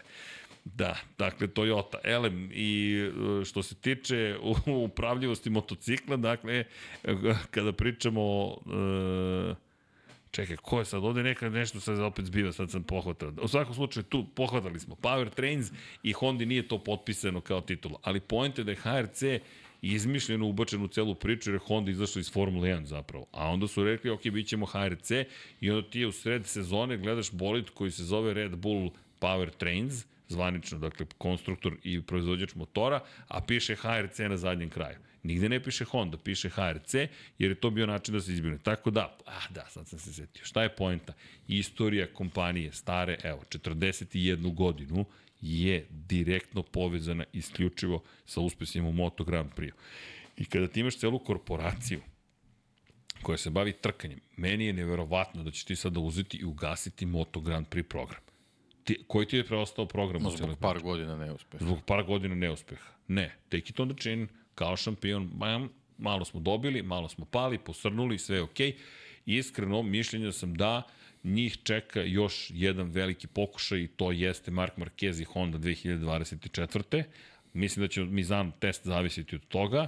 Da li će Marquez tu reći, ljudi, od ovog filma nema ničega, dakle, slobodno možete napraviti filmski podcast o ovome, ali nema povratka. To ćemo znati vrlo brzo. Pazi, septembar je iza ćoška. Tu je, bukvalno smo tu i u septembru ćemo znati da li Marquez ostaje ili ne. Jer ukoliko taj motocikl novi, kako ne znam šta je sve novo na njemu, to ćemo saznati, bude dovoljno dobar, onda imamo kraj priče, to je petu godinu ugovora između Markeza i Honda i onda ćemo znati. Posle toga, ako taj motocikl ne uspe, revolucija. Tad se dešava, tad mora da se desi koren, ce, kompletna revolucija, tad ideš, što bi se reklo žargonski, u rebuild, ili ti praviš novu ekipu i držiš parče da ćeš 2026. biti konkurentni. Jer ne vidim pre toga da ćeš nešto moći da učiniš. Bukvalno, ali ne vidim da će Honda da odustane. Yamaha možda me malo više brine, pošto je Yamaha imala te misli o odustajanju pre nego što se Rossi pojavio i, i dalje verujem da neće odustati baš zahvaljujući ovim izjavama koje trenutno daju, jer oni ne baš i ne daju izjave koje su nešto skrivene, oni su dosta direktni, pogotovo Lin Jarvis. Pa da, znaš kako njihova titula još sveže. Oni, oni nisu u, u tolikoj dramatičnoj situaciji koliko je Honda, iako uh, rezultatima delo je dramatičnije. Od kad se, od ka, od kad se ta, ta, ta loša priča vuče još, još od onih homologacija, onih delova iz motora. 2020. Jel tako bilo? Jeste, kad su imali loše proizvedene motore. Ovaj, ali oni su među vremenu bili šampioni u Moto Grand Prix i u, i u Superbajku. Imali su Dvostruku titulu su imali 2021. godine. To je, eto, prekjuče mala bilo, stvar. tako da nije, nije, nije, to, nije to bilo, sad da, toliko da. dramatično. Da, za prošle, Yamahu prošle zapravo nije. godine, prošle godine su bili u borbi za titulu. Imali su 91 poen prednosti. E da, i to je zanimljivo, Znaš, deki, bravo. Tako da nije, nije to sad iz te perspektive tako dramatična situacija. Kako izgleda istorija Moto Grand Prix-a da je Fabio Quartararo dvostruki šampion sveta? To potpuno je drugačija Potpuno priča. druga priča. Ne, ne bi možda ovako, sad ova dramatika ovako bila. Možda bi samo rekli, pa dobro, loša godina, Loša godina. Da. biće bolje. Zapravo, Pekova titula i način na koji je osvojio zajedno s Ducatijem je jedan ozbiljan udarac. da skinula teret Ducatiju sa, sa Jeste. pleća, ali oni daleko od toga da imaju tu dominaciju kako bi trebali da imaju sa sa ovaj takvim takvom ofanzivom na, na, na vrh grida. To nije, nije srazmerno. Da, ti imaš jednu titulu prošle godine to su Znači, dve ukupno. opet podsjećanje, Yamaha ove godine ima samo dva motocikla. Honda ima četiri na kojima uopšte nisu sedeli vozači na kojima je trebaju da sede. Da, deki, a Ducati, ima, ima osam, osam. motocikla, od kojih je sedam vrlo konkurentni. Da. Da. ne čunamo Diđu. Nažalost. Ali sedmorica su tu. I ti kada bi vratio sada... Čak i Alex Marquez koji, koji nema, nema bodovno potvrdu svojih rezultata. On je nekoliko trka vrlo konkurentan bio. Austin, sećaš se kako je Da, bio. Vrlo je bio tu. I sad ako vratiš jedan satelitski tim u okrilje Yamahe, a ti, to je samo pitanje Znači, to su sad već neke greške u koracima na koji su oni morali da budu spremni. Znači, nikako nisu mogli da dozvole da imaju samo dva motocikla. Dobro, nisu, Od kad to pričam? Pa ne, teh tri nisu, nisu smeli da izgube. Za početak, to je baš ozbiljan početak. tim. Pa čak i da bude ona njihova priča, tri aktuelna i jedan neki stari. Da, ali pazi, oni nisu... Čak i to da bude, ali ti, ti sad fizički imaš samo dva, dva motocikla koje, koje možeš da probiš. I zato se... Šok. Oho. Srđan Veliki. O, Srđane, Aplauz za Srđana Nije Velikog. petak, da znaš, Aplauz sreda za je. Srđana Velikog. bio je komšiluku pa da se javi. Bar neko nas poseti juče ovde 50 ljudi. 50 ljudi za moto. 60, ne znam Gde koliko ste je bilo. MotoGP-evci za Formula 1, 8 ljudi u publici. Sad ovdje čovjek došao koji radi američki futbol. Ali voli MotoGP. Šta si rekao da mi je frizerka navijačica New England Patriotsa, a? Vidi kako sam ošišen, a? Ček slušam i kao što bi rekao rekao šta sam rekao. E, moj, ni ne znaš šta si rekao. Sve je to moć televizije. E da, podođite ljudi, mi vas pozivamo Slobodno u dođite, studiju. da, ne, stiditi. za MotoGP poslednji put je bila Selena, otprilike i to je bilo to, niko se više nije pojavio. Šta vam je ljudi, pa nemoj da mi za MotoGP. Da ne, vidiš zanimljivo, što ljudi neće dođu na MotoGP? ne, ne, Ne. Kliknite like, nemojte da se stidite slobodno. Čik, čik, čik, čik, čik, čik, i svratite Svetogorska 46. Tako tu smo. Dakle, sad kad 100 ljudi dođe sad u poznanih pola sata. Ali dobro. Dobro, sad je Srki tu, tako da imamo, sve, sve opcije su pokrivene. Elem, prekinuh te ponovo, deki. Jel možeš da se setiš gde si bio? Da, bio sam tu da pričali smo o broju motocikala i ovo, ova najava wild carda za, za Motegi apsolutno govori o tome da su oni shvatili da moraju da imaju još neki motocikl koji će, koji će služiti za neko, da ne, za neko testiranje u trenucima kad to može da se uradi. Da, evo sad komentar, Dragan Matić kaže problem za Japance je što narednih pet godina ne mogu da dosegnu Evropljane. Nisam siguran da je toliko velika razlika. Ja mislim da nije tolika razlika. Ja mislim da je, da, da Deki u pravu, da je ovo poenta čistih multiplikacijalnih faktora. Ako uzmete da sutra Yamaha da ima četiri motocikla, Honda da zadrži četiri, da KTM ostane na četiri, da se smanji na šest Ducatija, dovoljno da se, da se zameni jedan Ducati tim sa, sa Yamahom i već se menja situacija povećava se broj podataka koje ti dobiješ. Drugo, Yamaha, izvini, ali imala je Andreu, Dovicio, Andreu indisponiran sam Doviciozo, dakle, bukvalno koliko god da ga volim, čovjek je odvezao katastrofalnu sezonu. Karl Kralčov je poslednji, prošle godine sedam poslednjih trka sezone vozio umesto Andreja Dovicioza. To nije prihvatljivo. I, i, tu imam, to mi je najveća zamerka u njegovoj karijeri trud koji je uložio, to jest nije uložio u svojoj oproštajnoj sezoni. Hokej nije konkurentno, ali Pre toga situacija s Lorencom. tako je, sa Lorencom koji je sa mislim, drama. ne, nije, nisu za to opravdanja, ali jednostavno to, to su neki faktori koji su mogli da dovedu do nekog boljeg feedbacka u razvoju A jel- određene evolucije motocikla. Ne znam ja sad kod koje evolucije zapelo onako baš čestoko, ali u svakoj sezoni si imao neki problem koji te sputavao da ti praviš taj razvoj u nekom prirodnom toku kako je trebao da ide. Maverick, spalit ću vam motor uh, I to, Vinales. ovo ništa ne valja. Maverick ovo ništa ne Ovo valja. ništa ne Vinales. valja Vinales. Zatim imaš Franka Morbidelija koji kaže idem na operaciju u sred sezone. Baš, znaš na koga me podsjetio, iskreno? Na, to, na, na, na Scottija Pipena koji na početku sezone za Bulce, one poslednje njihove šampionske, kaže, odo ja sad na operaciju. A što nisi je letos? Baš me briga da ja moje letovanje upropasti sa operacijom. Zašto? Pa ne plaćate me dovoljno. Jerry, Jerry, Jerry Reinsdorf nikad nije hteo da pregovara tokom kad potpišeš ugovor. Super. I onda on zapravo na neki način sabotira ekipu. Isto tako, Morbidelli koji je rekao idem sad na operaciju, ne zanimate me, nećete mi dati fabrički motocikl, ok, neću ni ja da vozim.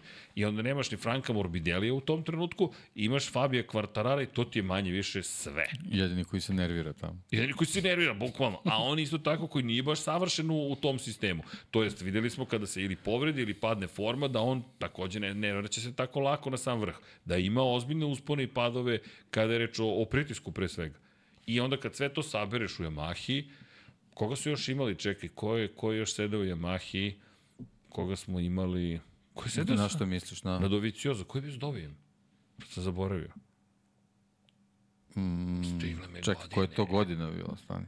Dovi je prošle godine Prošle vozio. godine. Koga smo imali u RNF Aprili? Yamahi. U Yama...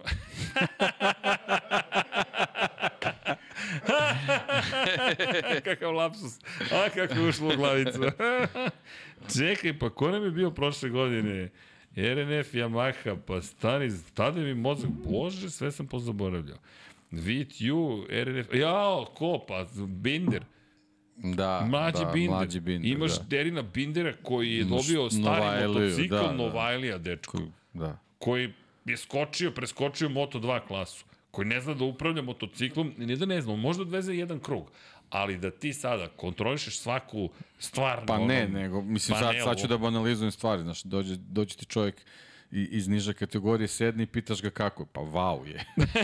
mislim, znaš, nikad bolje. pa ko je, koji, koji su, jel tebi, tebi nedostaju finese, kako on može ti prenesi finesu, pritom ne vozi, Pa, ne vozi aktuelnu. To ti ko ja iz juga u Seat Ibicu, ima servo volan, uuu, znaš kao kakav je, ima servo volan, ima servo kočnice, čekaj. Ne, nego ne, ne vozi čak ni evoluciju ko, koju, za koju je potreban razvoj. Tako da, mislim, baš, baš je bilo nekoliko sezona gde, gde, gde postoje onako neki, neki džepovi gde, gde malo ako zaostaneš, sa druge strane imaš rivala koji, koji nezadrživo o, uvodi nove elemente. Jer, o, Ducati je surovo ubacivao o, što elektroniku, što, što aerodinamičke elemente, što mehaničke elemente od hate-a. Da, znači, bukvalno ti si imao na svakih par meseci u Ducati stiže nešto novo, stižu neka krilca, stiže, stižu neki repovi, a ti se još boriš da vidiš ko će da ti vozi, koliko ćeš motocikl imati. I to E, pa- je, to je tipa, to je neki šest meseci samo uh, neke, neke konfuzije koja se prenosi i jednostavno oni, oni ne mogu da se čupaju iz toga. Kaže, Dragan Matić, kaže, "E, nisam se nasmeo tome. Da, ali vi pričate o posledicama, ne uzrocima. Ne, ne, mi mislimo da su to takođe delimično uzroci. Nije posledica loše forme Yamahe to što je Binder na Yamahi. Ne znam, ja i dalje ne razumem logiku te odluke. Ti si mogao da dovedeš bilo koga u Yamahu. Ko je hteo da dođe u tom trenutku u Yamahu? Aj to da ne razumem. Ralf Fernandez je želeo Yamahu više nego u KTM da ide. Sad da ga pitaš gde bi išao pre, vjerojatno bi rekao pa ja bi da se vratim nazad u KTM. S obzirom na činjenicu da KTM ove godine mnogo bolje izgleda. Ali i to, ja mislim, za, gde mi je poučna priča takođe? 2015. sa Suzukijem. Andreja Janone, koji je prvu svoju sezonu na Suzukiju proveo u paklu. On je u paklu bio. A to je čuveni moment kada su zapravo imali još uvek situaciju u kojoj nisu mogli zapravo motor više da menjaju na način na koji su ostali. Jer to je bilo, to je, zamajac je, je bio jedna od kritičkih komponenti. Zamajac je bio... A tome služe koncesiju. E, a, e, ali sad pazi šta se desilo. A, ali služiti i glava inženjera. To se zaboravlja jer se ne, ne analizira toliko koliko, koliko Formula 1. Šta su uradili ostali konstruktori? Oni su zamajac stavili tako da ti možeš da ga zameriš kao da je rezervni deo praktično. Kao da ti promeniš zamajac. Čovječ, promeniš cijel zamajac. A Suzuki ga je tako napravio, homologacija je takva bila da je on sastavni deo motora bio. I ti nisi imao pravo da menjaš zamajac. A oni su loše proračunali kakav im zamajac treba i imali su potpuno neupotrebljiv motor. Dakle, tu govorimo o mehanici. I šta su posle uradili, sada svi mogu da menjaju zamajac u zavisnosti od toga na kojoj su stazi. To je jedan primjer, ali Suzuki je propala cela sezona zbog toga gde je Andrea Janone opisan kao čovek koji ničemu ne služi, da bi imao jednu vrlo lepu sezonu naredne godine, ali je point u sledećem. U Moto Grand Prix kad pogrešiš, ako tu pogrešiš, pa sad čak i sa aerodinamikom, ono što je problem, nije kao u Formuli 1. U Formuli 1 ti možeš da donosiš delove kad hoćeš, koliko hoćeš. Ti sada oplotu ne možeš da menjaš tako lako. U, u Moto Grand Prix imaš dve oplote Pa ne, da evo, evo ti primjer, sad ima, praktično pričali smo i kad je to bilo pre par nedelja, pričali smo o B verziji Mercedesa u Formuli 1, potpuno novi bolid. Novi bolid. Pa izvini, ovo je sada B verzija, ne, ovo je C verzija Red Bulla Da, što se pojavilo da. u Mađarskoj. I što me dovodi do sledećeg. Ajmo sad da pričam, pričamo o koncesijama. A što ne bismo rekli, ej, razvijajte vi malo ovo. Zamisli Hondi da kažeš možeš da menjaš aerodinamiku više. Pa da li ko im brani? E, pravilnik ti brani trenutno da neke stvari uradiš, a s druge strane oni sami brane sebi jer nisu dovoljno maštoviti. Pa sami brane sebi zato što su vozači više u bolnicama nego na stazi. Između ostalog. Znaš, Između to je, to je problem Da, što to ciklus. traje već, to, to traje. To je problem, nije, nije to sad vezano za, za počelo je s ovom sezonom, to, to traje već nekoliko sezona. Samo se gomilaju stvari, a s druge strane tvoji rivali i napreduju i napreduju. A, KTM imao jednu lošu sezonu. Ali Se... Aprilija, ako pogledaš prošlu i ovu, oni, oni sad imaju lošu sezonu. Jeste. Ali oni, Prosečna. oni, oni već, već su u, u ritmu gde mogu da na osnovu dve sezone u, u, uzorkuju stvari i da vide šta treba promeniti da možda sledeća bude bolja. Ne samo to, Ali on, imaju a, pristup. a Yamaha i Honda su već nekoliko sezona u lošim sezonama i oni više nemaju s čime da porede. Ali lepa je konstatacija ovde, čekaj, ko je napisao da, da duguju izvinjenje Daniju i Caseyju, da, bukvalno, a što se tiče Yamahe, Rosiju i Lorencu. E, I tekako im duguju izvinjenje, ali ne Rosiju i Vinjalesu, svo dužno poštovanje prema Vinjalesu, Rosiju i Lorencu.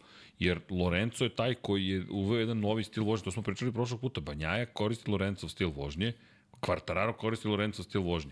To ne znači da Rossi bio loš, Rossi samo drugačiji konstituciju, drugačiji pristupao nekim stvarima, mada Banjaja više potiče Rossi konstitucijom. Ali okej, kako god pogledaš, ti, tebi treba i super kvalitetan probni vozač. Šta si rekao? Kad su se promenili stvari za Ducati? Došao Čika Casey i rekao, ček, ček da vam pomognem ja oko ovoga. A šta se promenilo kod KTM-a? Pa promenilo se još na početku kad su dobili Danija Pedrosu. Meni je neverovatno, Samuraj nije u direktnoj asocijaciji sa Hondom. Svi sada Samuraja vidimo kao KTM-ovog vozača. To ti isto nešto govori. I još jedna stvar, KTM, koliko god meni se taj pristup nužno ne dopada, ali on vrlo efikasan, samo menja. Kao Pa doktor to je Helmut taj Marko. evropski Menja pristup. To je to. Pa, pa, pa, pa, pa, pa. Samo otpuštaj i menja, otpuštaj i menja, otpuštaj i menja. Kod Japanaca, evo ti petogodišnji ugovor. Čekaj, pola decenije. Stani, gde ćeš?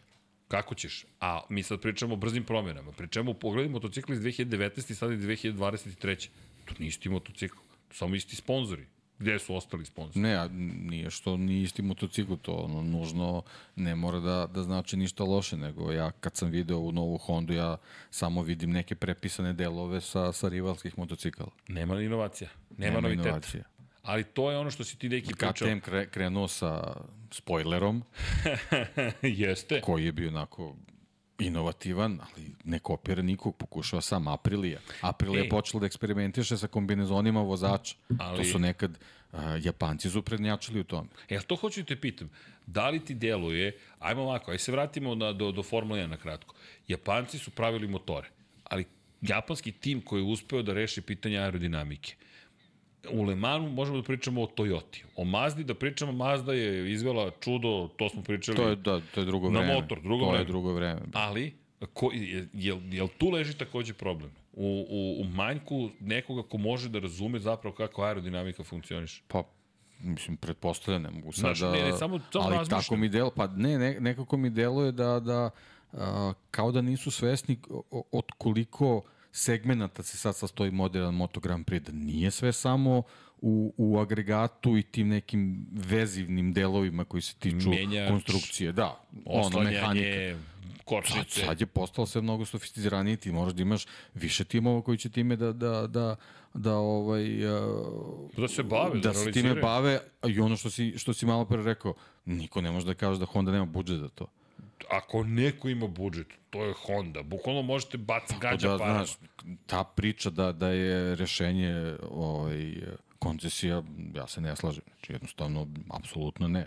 Ne za Yamahu i Honda. Ne. Ne za Yamahu i Honda. Znači, stanite, da. pocepajte sve te blueprintove što imate i Ispočetka. ispočetka kreće. Vidi, da neko peti sad ulazi. BMW kaže ulazim. Ok, daj koncesije BMW-u. Treba ti jedan novi proizvođač.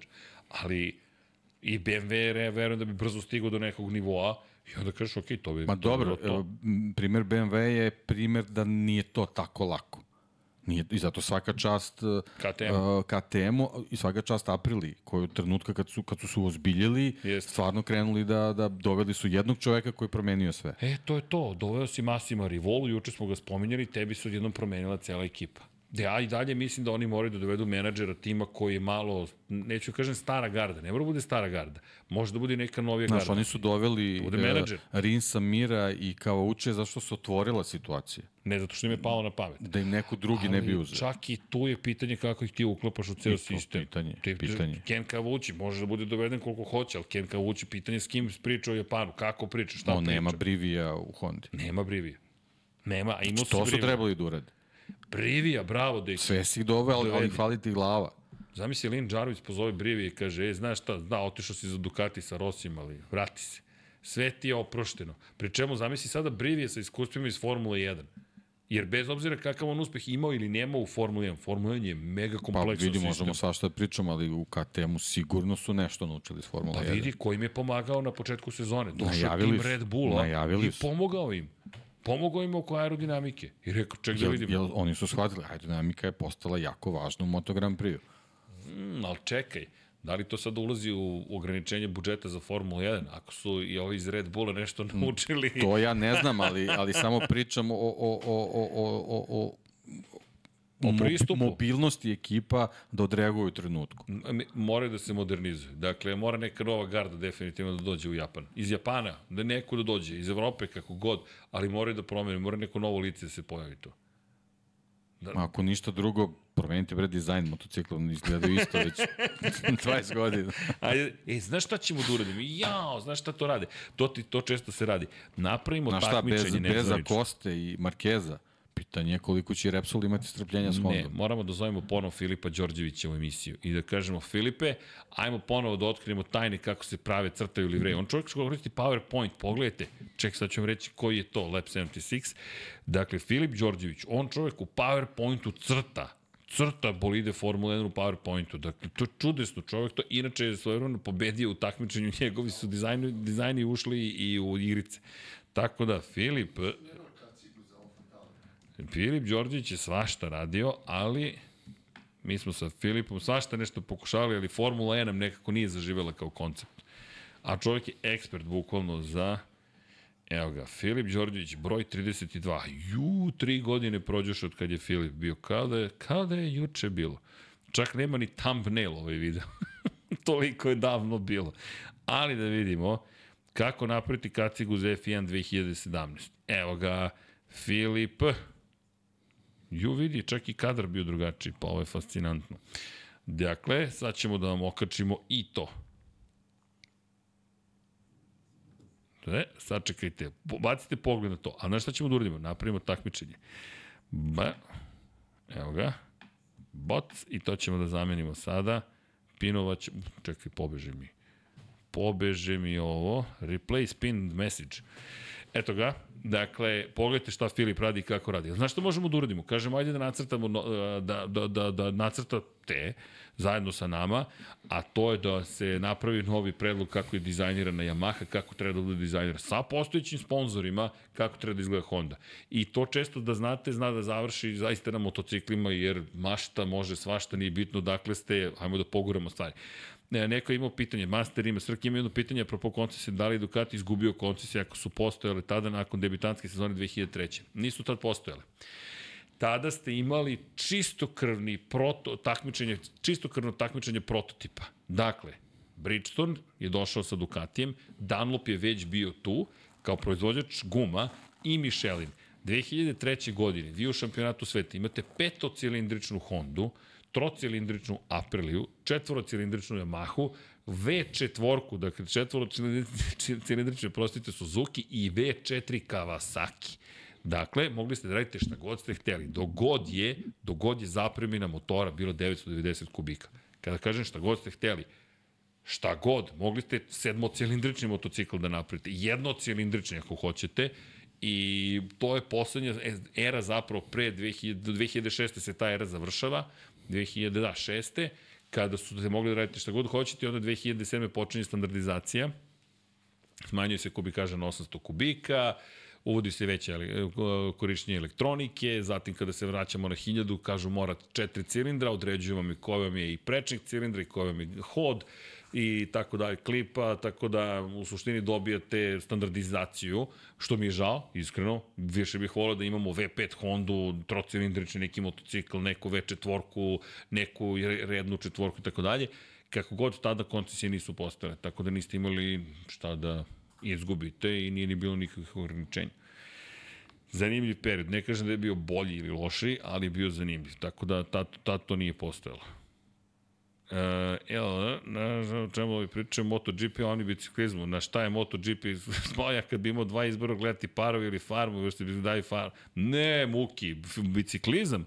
Biciklizam vam je fenomenalno.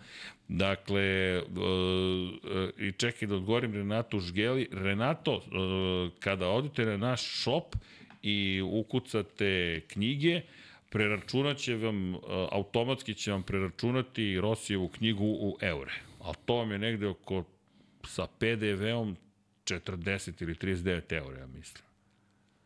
4670, to je oko 40 eura. Tako da, evo, ubacit ću vam link, pa onda vas naš pametni shop koji nam je napravio naš dragi Zoran Šalamon, koji ima svoje preduzeće u Osijeku, a trenutno se seli za Zagreb. Hvala Zoranu na tome, ZS Development. Tako da, na Magento je, inače, izgovara se Magento, saznali smo i to nije Magento za one koji su u IT svetu. Tako da, evo, ubacio sam i link. Tako da znate, sam će vam sajt preračunati, ali da znate, carinu će vam vrlo verovatno naplatiti. Poštu plaćate zato što je poštarina specijalna, pošto je to post eksport, ali trenutno pripremamo ove godine nastup i na Interliberu, tako da ako se strpite do, do novembra, ja mislim i oktobra trebalo bi, još nismo dobili potvrdu da budemo in, na Interliberu. Eto, tako dalje. Srđane, koliko kilograma si se ugojio od prvog podcasta do sada? 20. 20 sam se ugojio, to je 2019. Hvala ti, Branislave Deviću, na tim divnim pitanjima. Da, tada sam imao 89 kilograma. I mogao sam da stanem u onu crnu košulju. Eto, na prvom je Serceg Light. Jeste vala light verzija, ali tako dalje. E, kaže, Ivan Vosinović, više mi se čini da se goji od 7,6 kg na 100 podcasta. pa taman dođe pa, taman to. mu dođe na toliko.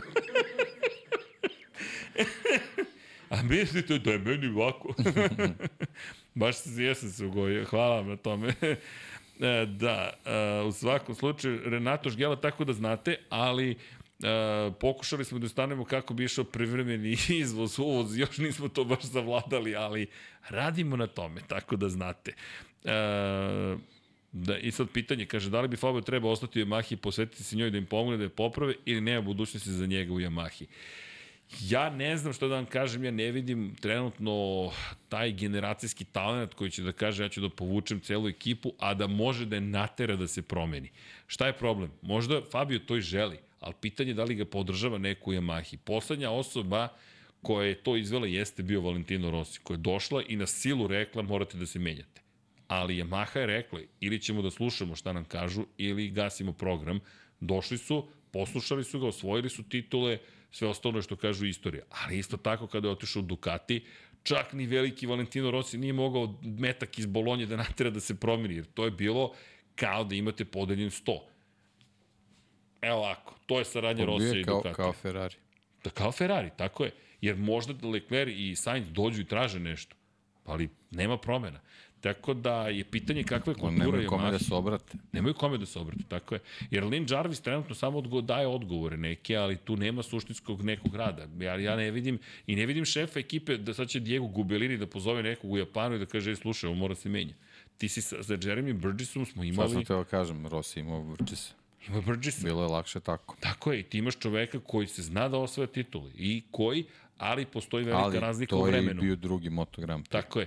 Vreme je bilo drugačije, tada je šef ekipe i tekako poznavao motocikl. To je Burgess isto objašnjavao. Sada I nisi je se to borio menadžer. sa 20 motocikala Nisi. na gridu. Nisi. I to su neke olakšavajuće okolnosti za Yamahu i Hondu kad, kad Kada sve Ako tražimo tražimo opravdanje. tako je. Ta, ne opravdanje, da. Da. objašnjenje. Ajmo da. tražimo objašnjenje. tad nije bilo osam Ducatija ovakvih na gridu. Nisi imao neki motocikl koji je dominirao kao ovih osam Ducatija. Da, inače, ja mislim da ti baš ja ne tražim opravdanje. Ako je neko Ne, kritikuje ne, ne, Yamahu, ne. mislim da ti dobiti ulaznicu u domaćinstvo nećeš. tad, tad se dešavalo da sa nekim, nekom minornom promenom oblika uh, rezervoara ti, ti dobiješ desetinku dve. Da, da, da, dru- drugo vreme. Sećaš se kako je bilo? Kako ne? Lorenzo je bio opsednut rezervoarom. I jeste, to je zanimljivo koliko on bio opsednut oblici, ali eto ti, to ti isto to, ergonomija, Da, kako ali upravljaš tad nije bila butinama, aerodinamika, to je bila aerodinamika u stvari. pa To je bila aerodinamika. A sad, sad, sad se odlazi na neke više nivoje. I ni- nisu vozači dovoljni sa svojim nekim čulima da, da, da reše neku situaciju. Pa, ajmo da se vratimo malo ma- manje u prošlost. Moto3 kategorija, 2015-16. Leopard Racing i dan danas veoma brz na pravcima. I da znamo zašto nećemo vam reći, da ne kažem, neko, neko je rekao, aman, dakle, ako ste pogodili tišina, ja kažem, bio, ne brini ništa, niko, ne, ni niko iz inostranstva ovo ne prati, tako da, ili ako prate, ne prevode. U svakom slučaju, da vam ne pričamo sada šta se događa, to nije u redu, niti neko, ćemo. je. subscribe, to je jedino. Tako to razumeju, što ali, piše. Ali, setite se šta je Leopard radio svoje vremeno da poveća maksimalnu brzinu. Da, ako uzmemo ovaj motocikl, jel te, i usmerimo ga ka kameri, dakle, evo, moje ruke ćemo ako da stavimo, te buckaste 7.6, po sva, ups, ode štender, dobro, na svakih 100 podcasta, jel te? I sad, vozači ako drže ruke ovako, veći, veći je otpor vazduha. Ako drže ovako, manji je otpor vazduha. Međutim, šta su radili u Leopardu? Sad ćemo da vratimo ovaj štender i nadam se da će da drži. Molim te, drži, molim te, drži, inače će Deki da me izbaci napolje. U stvari, nadam se da neće. Evo ga, Štenderčić. Vlado, ako padne, nisam ja. A pašće. Neće, na kačketu je. Vidi kako sam ga oborio u krivini, a? Elem, dakle, ručice su ovako. Međutim, šta su uradili, kakav, šta su uradili sa svojim vozačima u Leopard Racingu? Oni su ih naučili da prebace ruke na unutrašnju stranu upravljača. Dakle, da drže zapravo unutrašnju stranu upravljača, čime su se ruke potpuno sakrivale iza oplate. I time su dobijali 3 km na čas na pravcima. Ko je to otkrio? Peter Bom, kada je postao bivši tehnički direktor Leopard Racinga, onda je to otkrio zapravo javnosti šta se radilo. To su, tek posle su počeli da snimaju Leopard, ali ja vam govorim jedan detalj, dakle imate upravljač i onda neko kaže, e, aj stavi ruke na Pa unutrašnju dobro, stranu to su te dosadke koje su u tim nekim, da kažemo, ovaj, prostijim vremenima mogu da funkcionišu. Sad, sad to nije dovoljan element da ti možeš Ne. nešto da uradiš. Ti sad klik, klik, klik, klik, klak, klak, klak, imamo pitanje iz prvog reda. Smeju da promene upravljač. Kako misliš da promene upravljač? Pita Srki da li smeju da promene.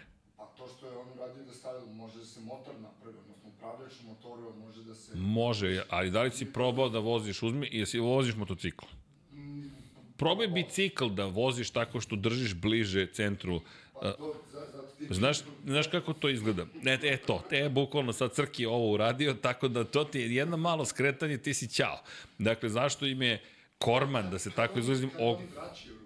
Pa kad se približe kočenju, kočenju, onda vrate, nek samo na pravcima su to radili. Ta stvar treninga, tako je. Da, ali poente zašto imaju širok korman, da se tako izrazimo u Moto Grand Prix. Baš zato što žele finese prilikom upravljanja i to izgleda kao, ne znam, kao da si vola za rogove uhvati otprilike. Uopšte to nije kao NR motociklima tako usko. Ne, to je prilično široko, zato što ti treba što veća kontrola nad prednjim krajem opet finese, sve izgleda tako isto, a zapravo nije ni blizu. I ti u suštini imaš veći otpor vazduha na Moto Grand Prix, ali toliko više konjskih snaga da si srećan. I to isto kao Formula 1. Koeficijent, efika, koeficijent je kao kod kamiona. To stalno pričamo. Ali, oblik tog otpora vazduha, to je kako generišu negativni uzgon je nešto što pomaže, a ti motor koristiš da se probiješ kroz taj vazduh. To je sada Moto Grand Prix. Da, a onda ti se dešava kad dođeš na kočenje zbog sve te aerodinamike tih krilaca, ti dobijaš veliku količinu prljavog vazduha koja motociklu iza pravi problem u tim ključnim metrima kočenja da bi bilo efikasno skretanje u krivini. Jeste, jer imaš manji otpor vazduha, kako imaš manji otpor vazduha, manja stabilnost motocikla koji sada zavisi od aerodinamičkog prijanjanja, a ne od takozvanog mehaničkog prijanjanja i tu dolaziš do problema s kojima se Formula 1 suočava od kada je postojala aerodinamika sve kompleksnija i kompleksnija, ne možeš da pratiš kroz krivinu jer tebi prosto se smanjuje negativni uzgon. To je trebalo da reši nova Formula 1, ali rešila to baš i nije. Nije tako lako pobediti fiziku. Zakoni fizike važe, hteli mi to ili ne. Ali dobro, to je neka druga priča. To jest, da, da sad ne ulazimo u kosmos. Mada, pogledajte na Netflixu, ima lepa, lepa nova, ne, izlazi sutra ili preko sutra nova emisija, svemirska vremenska mašina o James Webb teleskopu koji vas vraća u daleku prošlost. Tako da topla preporuka da pogledate. I naravno, ja se nadam da će Vičera da mi puste da završimo treću sezonu i onda da mogu da ih kritikujem.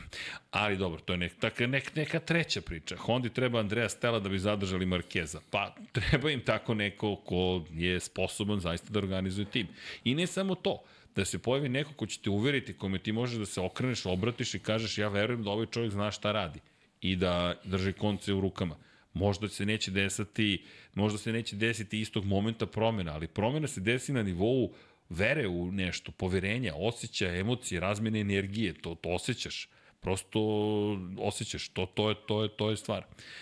E, da vidim, pobegla sam, nismo mi pogledali, a da sve, jesu li pričali nešto o Hondi?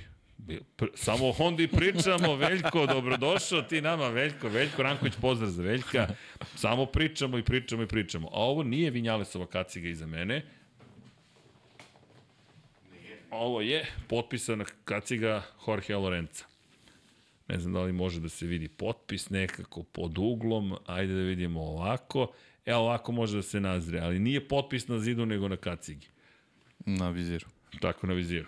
I to je iz perioda kada je, evo možete da vidite, još uvijek bio četvorostruki šampion sveta, četiri zvezdice za broj 1, to je 2015. je nosio, ovo beše Ghost Recon, ako se ne varam, specijalno izdanje kacige, tad je još bio sa AJC-em i to nam je Jorge potpisao i to smo zapravo dobili, možete da vidite i Spartanca, Spartanac je tu, tako da znate, imate ga i na Rosijevoj majci.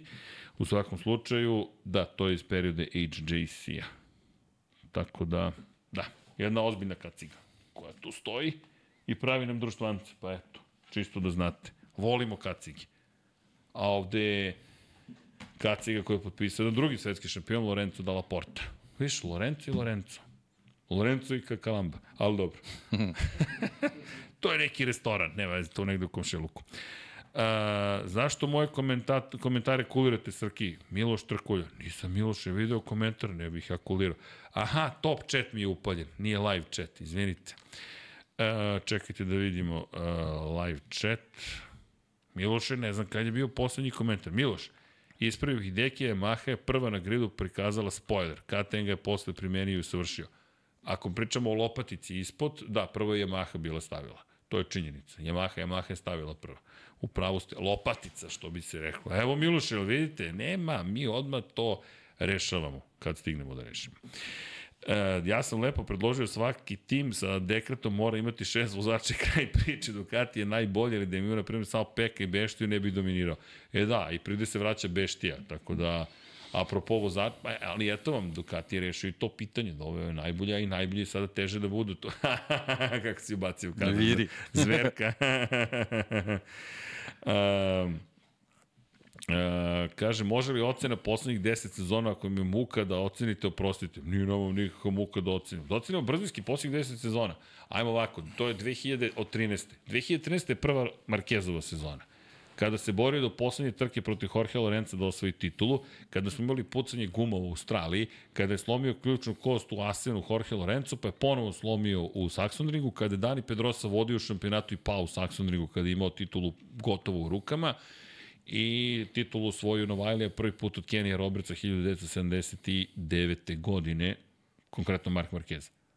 Koju ocenu dajemo toj sezoni? Pa ne znam šta nam je reper. Pa šta bi bio rep? se ako krenemo Neizvesnost u sezoni, da... Pa ne znam. broj da. rivala, poređenje s nekom istorijom. Ja bih tu dao devetku. Ja bih dao devetku. Zašto? Zato što poslednja trka je Pa veštački bila jeste i, neizvesna. i, i taj, taj comeback Lorenzo i Dobro je bilo. želja njegova Bila je borba. priča. Da, da, da. Otišao okay, Casey, može. došao neki novi klinac Može, koji, može. pritom, on je tad napao Lorenza u Lorencovoj krivini, Rossi je pretekao u Vadičepu, pa je Danija pobedio u prvoj trci kada je rekao Daniju, malo sam pratio Danija da se odmorim, pa sam ga pretekao. Da, to, da to je da, ponižavanje bukvalno klubskog kolege, posle i priznao da mu je to bio plan, kao da nismo videli, očigledno je bilo. Dao bih joj devetku, baš zato što se sve to izdešavalo. Da, ajde nek on, da, s njenom, sa tom devetkom da, da krenemo. Da, i Rossi se vratio u Yamahu. I Rossi se vratio u Yamahu, tako da je to bila vrlo zanimljiva sezona. To je, ja bih, ja bih rekao devetka. 2014. 10 pobjeda za redom Marka Markeza na prvih 10 trka. Što mi to poznato? Imao se kao se se prebacio u utorak u F1. Pobjeda, pobjeda, Pobjeda, pobjeda. pobjeda, pobjeda, pobjeda, pobjeda, pobjeda, pobjeda, pobjeda, pobjeda, pobjeda, pobjeda, pobjeda, pobjeda, pobjeda, pobjeda.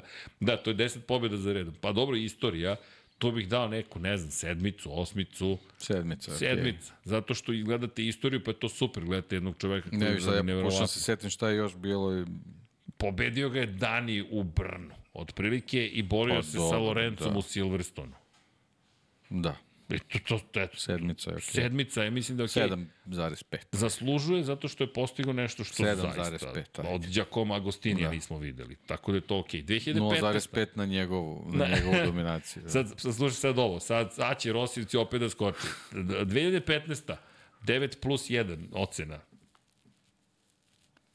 Učutao se Deki.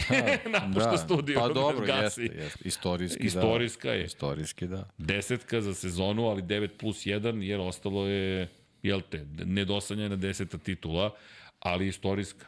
Ajde da se ne lažemo, 2015. koliko ljudi Svi je počelo da njoj, da. I, da. Sad da je vratiš, svi se sećaju. I ono, tad smo pričali o popularnosti Moto Grand Prix odnosno na Formuli 1. Tako je, e, to o tome kako Moto Grand Prix sustiže Formulu 1 i šta će biti s Formulu 1? Ništa nemoj da brinete, oni sada naplaćuju ljudima i koji žive u stratosferi, ako vidiš Formulu 1, a nisi platio, stići ti račun. Komerik stigu iz Španije, kaže, nisam stao policajcu na, u, u kružnom toku na stop. Rekao, to ne može se desiti, dakle, ni pod stavkom raznama, ali dobro. Ali stigla odmah da se naplati. Pazite na Palma de Majorci šta radite. To jest, nemoj da uzimate rentakar uopšte. Dakle, verujte, dakle, dobit ćete kazne za... ko- Kažu da sam se popeo na svetionik i još u autobusu. Srđan je. Pa, Nisam ozbiljno park... Još sam platio parking da ne bih išao, da, da nisam vozio uopšte. Iako je super za vožnju. Nego uz autobus. I kažu, ti si vozio. Nisam vozio. A sad, aj ti svađaj Da si sada. rentirao autobus. ne znam, ali dobro. Ele, 9 plus 1, svega je bilo. Svega. da. pobede Rosija, pobede Markeza, pobede Lorenca, e, padovi, incidenti, e, kultni momenti, ne, neizvesnost do poslednjeg trenutka, kontroverze, optužbe, raskol između dvojice najvećih vozača koje smo gledali u poslednjih, ne znam, pet, pet, ma, verovatno u istoriji dva od tri najveća vozača koje smo videli. Zatim, Yamaha koja neće slavi osvojenu titulu, to smo prošlog puta pričali, iako je njen vozač osvojio titulu. Kao da li nije ovaj naš drugi vozač, da ne kažemo prvi osvojio. Kad, ludilo, katastrofa, nemaš, nemaš da ne proslaviš titulu sa svojim vozačem. To je, kako god da izgledala sezona, moraš proslaviš titulu. Man, ti si osvojio titulu. A inače niko ne priča o Jorge Lorenzu u 2015. iako je on šampion. Nego o Rossi i Marquezu. To, to, to je cela priča. Ali za mene to je to, je ta, to su te istorijske sezone. Ko Pa Lewis da, Hamilton i zato Max što se- Verstappen. I ljudi koji ne prate pričaju o toj sezoni. Ali pogledaj ti tu paralelu sa Maxom i Luisom. I svađa, kome je trebalo da pripadne titula ili ne. Pa dobro, gledali su iz Formule 1 pa su pisali šta im treba ne, ne, za Formula 1 je popularnost. pisala iz To, to, MotoGP-a, pa to, to. to, to, iz Formula, a, vidi, ovo, U, ovo nije loše. Nije loš, drama. Fali, ovo. fali nam još jedan vozač, ali ta će se pojavi. Znaći ćemo ga Lando Norris. Ali dobro, mada, George, George, ti tipuješ na George. Elem, 2016. godina, svađa u Yamahi, Lorenzo Rossi ne mogu da, da, da nađu šta da rade, Michelin stigao, raskol sve veći, Lorenzo potpisuje za Ducati, ne rešavaju probleme, Mark Marquez umeđu vremenu malo po malo, malo po malo, malo po malo i eto je treća titula u šampionatu sveta u Moto Grand Prix klasi, peta ukupno. 2007, mada, Sedmica. Sed, se, pa sedmica, sedmica. 2017. E, tu već se pojavlja Andrea Dovizioso, tu već počinje nešto da se dešava, Ducati oživljava, bolje mi je nekako osmica, ka devetci, Ne, ne. Osmica. O, osmica. osmica je maks. i tu imaš, na šta još imaš? Imaš preticanje u poslednjoj krivini, poslednjeg kruga, Dovi protiv Markeza. Pa osmica zbog toga. Zbog da. toga, Da, da, ali tu kao nekako- nešto, nešto se, iskre se neke pojavljaju. Jeste, i u U malo... Nije bilo... Srđan viče u prenosu. Dobro, ponelo me. Ponelo. Koji srđan, veliki ili mali? Kao mali. Kao, a, ja samo da znate, ja sam mali još uvek u odnosu na neke ovde. Tako da, ali počeo da... Po, Ali tu ste po kilogramima, sad da Nije, te kažem, nije, vidi ga, uskoro, ću, ga. uskoro ću ja da budem linijaš, Pa to, to a kažem. ti, ti mršavi, 117. Dobro. ti si 117 kg. Dobro je, još uvek. Još uvek je dobro. Za malo. Ali drama, drama, deki, samo što su kod njega, uh, kod njega su, ja ne znam, on čovjek ima mišićnu masu, ja imam vodenu masu, ali dobro, to je drugo. Ti si vođe, vodeno hlađen. Ja sam vodeno hlađen, da. o, da. Hidriraj se. Hidriraj se. Hidriraj- živjeli, deki, I like my... Ajmo, može, a, može. živjeli. Živjeli, ovo je H2O. Uskoro neće biti ničega. Pijte vode, nemojte ko Ferrari i Charles Leclerc da vam ne radi bidončić. Elem i to u sred Mađarske. Katastrofa. Ali, 2017. osmica. 2018. Pa ne znam, to mi je sedmica. Nekako ima tih lepih trka između Dovi i Markeza, ali nijednog momenta nema tu sumnje Da. šta će da se desi. Sedmica, 2019. 2019. Znaš kako? To mi vuče ka devetci, ali znaš zašto? Marquez, ok, znali smo da će biti šampion. Sve ok. Meni vuče zbog Barcelona i CSI. Jel zbog Mora toga? devet, pa mora. Meni je to asocijacija na 19-icu. Ne, ne, to je 18-ica, deki. Ne, ne, Teško, to je, de, to je 19-ica. 19-ica. Ne, ne, ne, pogrešio sam, pogrešio sam. Čekaj, čekaj. Bzz, bzz, bzz, bzz. 19-ica. 18-ica mora da dobije veću ocenu. Znaš zašto? Jorge Lorenzo. Da. Jorge Lorenzo. On je njegove vožnje. Ono zaslužuje da mu se skine, da Pa dobije... no- 0,5 kao i Markeza dominacija. Bukvalno, jer pobjeda u Muđelu... Šta si dao za 18-icu? Ja mislim da smo sedmicu dali. A mora Pa, osmica. Pa dobro. Mora osmica zbog, zbog Jorgea. Da. Jeste, jeste. Jorge je odvezao i po je spektakularno. malo. Malo je, malo je 7,5. I nije se, čekaj, 2018. se još nije pojavio Fabio, je li tako? Došao je Peko, ne, Peko je svoj titul u Moto dvojci, da, 2019. dolazi ta generacija cijela. Mir stiže, stiže Peko, stiže Quartararo. I ko je Rins. stigao? Rins je takođe stigao 2019. Tako da 2018. osmica, zahvaljujući bukvalno Jorge Lorenzo. 2019 zbog te generacije, bukvalno pojave cijele kvartarara koji oduševljava na Petronasu, pol pozicije, borbe za pobedu, ok, nije pobedio, ali fenomenalno izgledao cele sezone, zatim na sve to dodamo da, da, da smo imali i dalje te neke lepe bitke, vidi, 19. De- i Doviciozo imao svoje trenutke inspiracije. Jeste. Imao je trenutke inspiracije, tako da bih ja, uf, koja je tu ocena? 8,5. 8,5, da da, ne ne možeš 9, preteramo. 9 nekako mi Pa ima, 0,5 na nas. Na ali. Ne. ali 8,5, to, 8,5. to, to je to. I onda dolazi 2020. I šta da kaže za 2020? Šta? Petica. Petica? ne, ne, ne znam. Pa nek. Znaš zašto šestica? 36, pa nek dobije Pa, šestica da. na Joana Mira što je svoju titulu. Ali Da. da. teška godina. Teška godina. Znaš, gledaš- Teška za gledanje. Da. Teška za mučna, mučna cela, cela godina, počinje se u julu, cela planeta zatvorena, bolest neka koja ubija ljude, mislim, katastrofa, nemaš pobegneš od toga.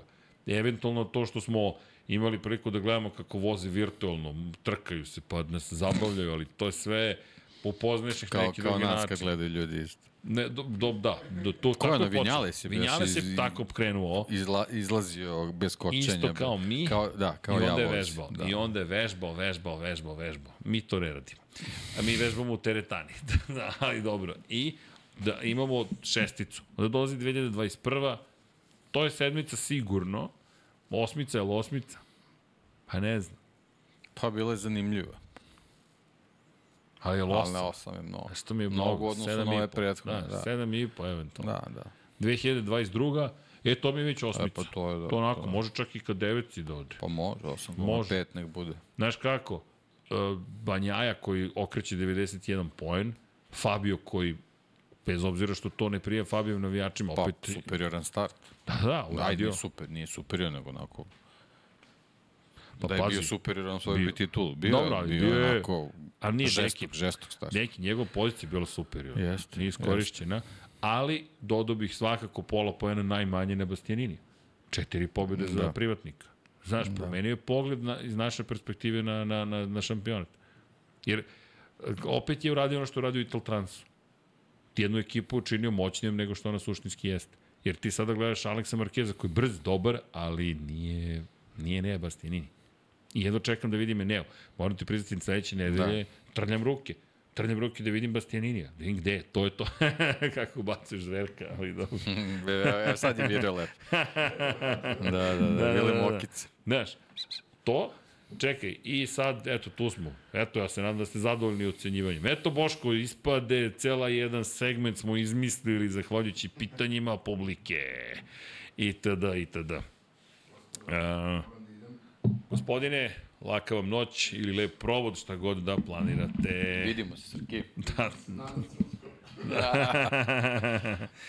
e, da. E, eto Boško. Mm, Da, da vidimo, a Jorge u Porsche Super Cupu 2023. Da. a, Zlatko, ali, ali ko je pomjerio tima Gloka u Porsche Super Cupu? Ostali smo juče dužni ni Formu 2, ni Formu 3. Nikad dužeg podcasta, nikad manje stvari nismo izanalizirali zapravo. Formu 2 pff, zaboravili, Formu 3 pff, zaboravili, Porsche Super Cup zaboravili, ne znam što nas se desilo, sinoć, ali des, dešava se, izvinjavamo se, popravit ćemo to. Ali smo dobro vozili. Ja mislim smo bili, sinoć smo bili nešto raspoloženi, deki. Dakle, malo dok su se uhodali, ali, ali bilo... Tek je peti krug. A, reci. Mora samo volan da se malo naštela. Na, ima tu force feedback i ne, ostalo. pa ima setovanje, koliko Tako hoćeš. je, tako je. E, dobro, sad vidim da časkate i tako dalje i tako dalje. Evo, Slavko Krstić kaže, Honda treba da dovede Ikera Lekonu, odrađuje ok posao za Hondu. Pa dovešće ga samo Pa da menja Alexa Rinsa. vozi, da. Da, bit će u Silverstonu, tako da eto, imaće ponovo Pa priliku. dobro, nisi on nešto proslavio u svom stintu u Moto Grand Prix Light. Pa, imao je taj jedan period u KTM-u, ali opet i on je u nekom čudnom trenutku upao u tu Krenu celu dobri, priču. sećam se, mislim da to je neka Barcelona bila kvalifikacije, super, Jeste. super, super, i onda vozi ključni krug i pad i onda ništa i tako. Da, da, da vidim. Nema konstantnost. Kaže, Tole, kada ću ponovno na kupanje s Monster devojkama? Pa ne znam da li sam više, pa, znate kako, to, to, da, to je čuvena ta priča o Monster devojkama. Ne znam da li bi mi baš sad, u, moram priznati sam, da, sam, da, da sam ponosan.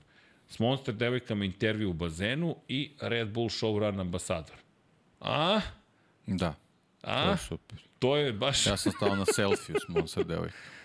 Ja sam uskočio u bazen i jedna od njih me pitala što si u farmerkama. Rekao, Ushićenje. što sam u farmerkama, mislim se, jao Tomo, jao Andrej, što, što, što ste mi drugari, inače bi mi napravio skandal tamo u Barceloni. Ali dobro. E, Renato Žgela, slobodno mi se obraćajte na ti 17 godina. Ne, ne, Renato, poštujemo, ali dogovoreno i vi nama slobodno, to jest i ti nama bez, bez brige. Sad Renato pita za 2009. Ne znam Renato šta pitaš za 2009. Da li treba da je ocenimo, ali 2009. to je Rosijeva poslednja titula, je li tako? Tada već i Lorenzo počinje da dolazi do izražaja, Casey i dalje na Ducatiju, Marquez je stigao u 125 kubika, šta, koga smo još imali 2009. Max više nije bio tu, Andrea Andreja je prešao u HRC, pobedio je na, na mokrom Doningtonu, jedina pobeda dugi niz godina u karijeri za Andreja Dovicioza. Kišna trka. Jel tako? Da. To je to. Ne znam šta, ne znam kako. Evo ga, Future Graciano Rossi, da li može da očekujete MotoGP Confidential kao što radite za F1, bilo bi jako korisno. 7,6 evra donira Graciano, hvala Graciano. Da li, pa to nije naša produkcija, ali imamo neke planove to da radimo, samo da nam se Perica vrati sa, sa hodočešće, da ne kažem sa prakse, tako da Perica završava praksu sledeće nedelje i imamo nešto što želimo da uradimo. Kaže Branislav Dević, Srki stavi Reels na TikTok sa Monster devojkama. Pa da bude mega zvezda. Šalim se, ljudi, čak ne znam ni da li imam prava na taj snimak, tako da hvala za ideju u svakom slučaju. Uh, deki, uh, nemam pojma gde smo stali, da smo mi da proce, ocenimo sezonu. Lepo se zabavljam, ljudi, leto je, imamo mogućnost da pričamo o svemu i svačemu, da sumiramo samo glavnu temu, a to je Japanci da li ostaju, ja sam ubeđen da ostaju, zaista sam ubeđen I mislim da Deki lepo primetio nešto, ako ne sledeće godine, ja sam prvično siguran da 2025. može da bude dosta drugačija. Par stvari će se sigurno desiti. Moto Grand Prix ne želi... Obratite pažnju na novi sajt Moto Grand Prix. Inače, ne znam da ste videli da su radili reviziju sajta, aplikacije, više vuku ka nekim komercijalnom, ka nekom komercijalnom dizajnu. Malo mi nedostaju vesti, ali je bolje, preglednije je. Vidi se da, da Dan Rozomondo insistira da se marketing i komunikacija ozbilje i to postižu, polako li sigurno. Ono što takođe mislim da će se desiti da ne smiju da dozvole da izgube Honda i Yamahu. Tako da očekujte i politiku i to je već počelo. Pričamo o koncesijama, lobiranjem i tako dalje. Samo zamislite Carmela Espeletu i ostale kako treba nekome da izađu u upravnom oporu i kažu ostali smo bez još dva proizvođača Dakle, sada govorimo o biznisu, to, to je vrlo teško. Sad, da li će naći jezik zajednički? Pa verujem da hoće. Zapravo Ducati, April i svi ostali kada javno kažu ne, samo poručuju niste još dovoljno ustupaka nastavili, napravili iza kulisa. Kao ne, što... samo je pitanje gde hoće da idu s razvojem. To je to će biti već dovoljno da da krenu u pravom smeru ako donesu ovaj pravi odgovor na to pitanje. To je, to je ovaj, suština. Znači šta je, šta je cilj Moto Grand Prix? Da li ovo što je cilj Ducatija, ne znamo dok će da ide, ili, ili postoje uh, neka, neka racionalnija ovaj, rešenja, pošto ovo već malo ide u neke, kako bih rekao, neke stvari koje, koje u jednom trenutku mogu da izmoknu kontroli. A već vidimo, plašili smo se ove sezone što se tiče povreda, uh, Znači, mi ove godine nismo imali ni jednu trku sa kompletnim gridom uh, kada su u pitanju vozači s koje smo najavljivali na početku sezone. I to je, to je nešto što krnji sezon. Da, razmišljam baš o tome što si rekao. Ti kada pogledaš Da, ne, ne, ne znam, problem sa povredama mi kako da dokažeš da je to posledica nečega što se događa. Inače, istu priču, apropo povreda, malo pre sam ti citirao, dakle, da Race isto to citira i opet se vraćamo na tu, na početak ono što sam ti spominjao, gde ljudi kažu, vidi, u ovom trenutku situacija se rešava na pogrešan način. Ovo je pitanje bezbednosti. Ovo je Upravo pitanje to. bezbednosti. To je ono što si ti prvi počeo da spominješ. Moram ti predstaviti da se te ja, ne, ne, ne gledam te čudno, nego sam, sam se uhvatio si me nespremnog. Aha, pričamo o bezbednosti. Ja sam zaboravio taj aspekt. Bukvalno. I uh, pojenta jeste upravo u tome, aha, evo vidiš, pre pet minuta su izbacili, dakle, o Hondinim najboljim danima i o mukama koje imaju. Evo, mi izbacimo podcast u kojem pričamo o tome, oni naprave e, članak o tome. Dakle, The Race, molim vas. Ali šalu na stranu, sad, sad da, se, da, da, da spomenu ozbiljno pozdrav za cijelu ekipu iz The Race, iako to trenutno ne čuje, ali ćemo im preneti.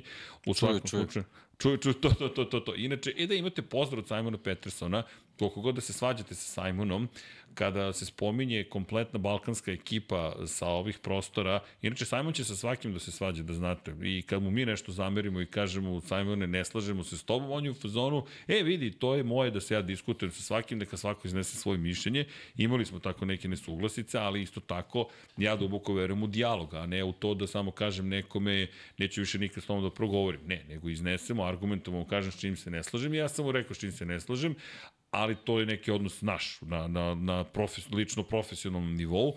Međutim, samo da znate, kada god se spominju zajednice, ako nekoj Simon priča pohvalno, to je ekipa sa Balkana, da znate. Dakle, i često kada Dorna nešto traži, kada se spomene Balkanska zajednica, Simon je u fazonu ne kojih šiša ništa nisu učinili da pomognu. to, to ste sve vi to zajedno uradili i poenta jeste ne mi, nego mi, svi zajedno, to ste vi. Dakle, i Simon je neko ko govori da je to jedna od naj naj i glasnijih zajednica i najpotkovanijih zajednica i tu nik nema podilaženja, ali čisto da znate da imate pozdrave koliko god nesuglasice imali, Simon se trudi, pod, ne trudi, on stoji iza svojih reči i veru, ima svoje ubeđenja, kao što vi imate svoje i to je okej. Okay. Elem, i kažem, Simon prati te kako šta se događa i on prati hashtagove, prati ko šta spominje, gde se šta zbio. Simon to vrlo ozbiljno pri, o tome pristupa na jedan modern način. Dorn neće da ga sluša u fazonu, ne znaš šta pričaš, zna.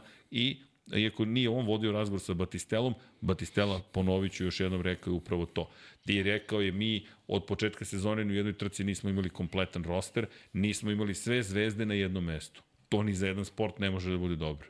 Koji god sport je u pitanju, da li nisi imao Markeza, da li nisi imao Bastianinija, da li nisi imao Rinsa, da li nisi imao Mira, da li nisi imao Pola Espargara, da li nisi imao Luku Marinija, da li nisi imao nekog sedmog, to nije dobro. Jednostavno to nije dobro i činjenica je, neću da ulazim uopšte analizu sprint trka, kažem, s jedne strane sam potpuno duševnim sprintom, s druge strane potpuno predstavljenim sprintom, ali ono što je činjenica da mi imamo situaciju u kojoj mi sve ređe vidimo najzvučnije imena na samom asfaltu. I to je problem. Srećom, neki od vozača zaista nisu se povredili, to je ono što je super, ja im želim da se ne povrede. Nažalost, statistika neumoljivo je, nekom trenutku će se neko povrediti. I sad, ovi kvartararo ima svoje povrede, dakle, kada pričamo o tome, trebalo bi da se nađe neko rešenje koje je, ne volim to, ne volim da neko bude ograničen više odnosu na drugi. Želim da pravila važe za sve, ne želim da Ducati bude kažen zato što je bio pametniji, ali svakako treba sesti i videti pre ne, svega... Ne, samo u nekom trenutku, mislim, sad neću da zvučim onako ovaj, pretrano radikalno i, i, i grubo, ili ne znam kako, ali jednostavno neke stvari moraju da se ograniče. Razvoj nekih stvari odlazi u neku stratosferu i više nema, nema smisla. O tome se samo radi, Jasne. ništa drugo. Mislim, na, naravno da, da je ono, samo je nebo granica za, za, za ovaj, uh, ambiciozne i, i vredne, naravno, ali jednostavno negde mora se podvući crta, na kraju krajeva na tim motociklima sede ljudi. I pa pre svega. Za, za kažem, za, za, za zanimljive trke nama ne treba da oni idu 400 km na sat na pravcu, zaista. Pa ne vidim da to menja trku. A, a ne radiš, ne radiš, niti je na dva točka moguće uraditi nešto da im povećaš zaštitu. To je problem. Ti, ti si u Formuli 1 bukvalno do, do pre nekoliko godina uh, imao mogućnost da da ovaj poboljšavaš zaštitne mere i sve se završilo i sa oreolom i tako dalje i tako dalje, a juče smo pričali o bočnim dodacima koji će možda i zaživeti u Formuli 1 ili tako dalje, tako dalje. To u motociklizmu jednostavno nije moguće. Ne, ne, vidim, ne vidim način kako bi to moglo se poboljšati. Da, kada vidi, ne, ne znam, ponavljam da, kao papagaj, ali bukvalno razmišljam sad, sad dok, vrte mi se točkići dok pričaš. Ne znam kako da postigneš taj ideal da ti si rekao, ajde da se krećemo sporije, o nečemu što treba da bude brzina, a opet, znaš, kako meriš kada je brzina, potera za brzinom izgubila smisao. To je ono što Kada pa ne, pričam... evo sad kažeš, pazi, stižemo do 370 km na sat. Ajde da ne idemo na 400, nego da probamo da tih 370 na sat bude što efikasnije uh, kontrolisano. I u tom smeru treba da ide taj razvoj. Da, jasno. Ne razumem te s tim što, znaš, opet gledam, ne volim kada se sputava maštovitost ni inženjera, ali pa da li kako... ti, ti sa 400 na sat više nemaš stazu koja može to da izdrži. Ne, ne, ne, ali sad znaš, nisam lepo se izrazio. Znaš o čemu razmišljam, o krivinama na primjer razmišljam. Mi ćemo sprečiti nekoga da razvije bolji motocikl da leži u krivinama. Onoga momenta kada to uradiš ti zapravo vraćaš veću kontrolu vozaču. Sad samo samo pričam, inženjeri igraju manju ulogu. Ok, to mi je u redu. Da vozač ima veću ulogu nego što ima inženjer. Ne znači da treba poceniti inženjera, inženjer takođe ima svoju ulogu i treba da uradi svoj posao, ali opet, znaš kako, stvarno je modern Moto Grand Prix, meni se dopada savremenost, dopada mi se to što su se promenile stvari, u smislu da vidimo nešto novo, ali sad ti ubacuješ novu dimenziju, samo pokušam sebi da razlučim u glavi koja kaže smisao svega toga. Smisao na kraju dođe do toga da mi u jednom brzom krugu sve, svešćemo se na kvalifikacije kao u Formuli 1. Svešćemo Ma, se ko ima brzi krug. smisao je, smisao je bezbednost. Ja se, ja se opet vraćam na to. Da, ti se vraćaš na ono što je Ja se najvažnije. vraćam na to. Ja hoću Ljudski da njih aspekt. vidim na svakoj trci da su svi tu. Jasno. Naravno, takav je sport, uvek će se desiti nešto nepredviđeno, ali, ali Opasan je sam po ova, sebi. ova sezona saberi samo koliko vozača nismo imali. Ne, ne, vidi, uh, mislim da je Batistella, to, to su ti i Batistella zapravo sve opisali. Kočio na zona. Kočio na zona. Jer ti... Znaš, u Formuli 1 su u jednom trenutku Bernie Eccleston je uveo asfaltiranje zaustavnih zona. Šta je ovde? Šta, šta sad trebaš da dobiješ na stazi? Umesto 100 metara šljunka treba ti 200 metara. To niko ti neće to napraviti. Treba bazen umesto šljunka da bude šta, mislim. E, ne znaš da mi to palo na pamet, zašto ne stave bukvalno vodu? Pa da, ali- znaš, ali čim uđeš Ko sa gumama za suvu, Pa čao. ne, ko će to, mislim, to je, to su, ono, jednostavno neke, neke stvari su nemoguće. Viš, oni, oni ne mogu da se izbore sa, sa sitnim šljunkom u, u Portugalu, ne, ne neke krupnije stvari. Time Dorna treba malo da se pozabavi. I Međunarodna motociklistička federacija koja se nigde ne spominje, malte. Pa, ba, ali evo, zanimljivo, Batistella je upravo to rekao, ovo nije pitanje za Dornu, ovo je pitanje za FIM. Ovo je pitanje za FIM, jer je ovo pitanje bezbednosti. Pa, mislim, to je pitanje za, ne, ne može neko da okrene glavu i da ga baš briga. Ovo je pitanje za sve njih. Pa ima Nema sam, veze, ajde nek to film rešava ili nema veze, nek to Dorna rešava. Deki, ne, ajde, zajedno sedite pa imamo četiri zvanična učesnika. FIM, Međunarodna motociklistička federacija, MSMA, m, e, kako beše, Motorcycle Sports Manufacturers Association, zatim IRTA, International Racing Team Association, dakle ovo udruženje konstruktora, ovo udruženje timova, timova, tako je, i imaš Dornu koja drži komercijalna prava, to jest ima prava na komercijalizaciju kompletnog sadržaja, to jest celog šampionata, imena i tada i eksploataciju i tako dalje. I oni svi zajedno moraju da sednu i da kažu, ok, šta je plan? Gde idemo? Kak, kakva ideja? Šta hoćemo od šampionata sveta? Sprint je doveo do toga da su ljudi koji nisu gledali toliko sada više gledaju, što je super s jedne strane, s druge strane da, povećala se opasnost, ali i Batistela kaže, nije opasnost u sprintu, nije sam po sebi sprint opasan, nego to što je sve opasno trenutno toliko da ti sa sprintom uvećavaš opasnost, ali ako mi Ne, rešimo to limitu. pitanje, tako, Mislim, Opet, opet, opet. opet. Trkanje, mora da bude na limit. kažem ti, ten, ali, ali uh, limit je na 366 km na sat. da, ok, to vidi, ne, e, ne znam koja metrika će da nam kaže da je to opasno, ali odmah možemo da kažemo, ljudi, to je opasno. Dakle, zdrav razum, ne volim da se pozivam na zdrav razum jer ne znam kako se to meri. Šta je zdrav razum? Nekom je jedno zdrav razum, nekom nešto drugo.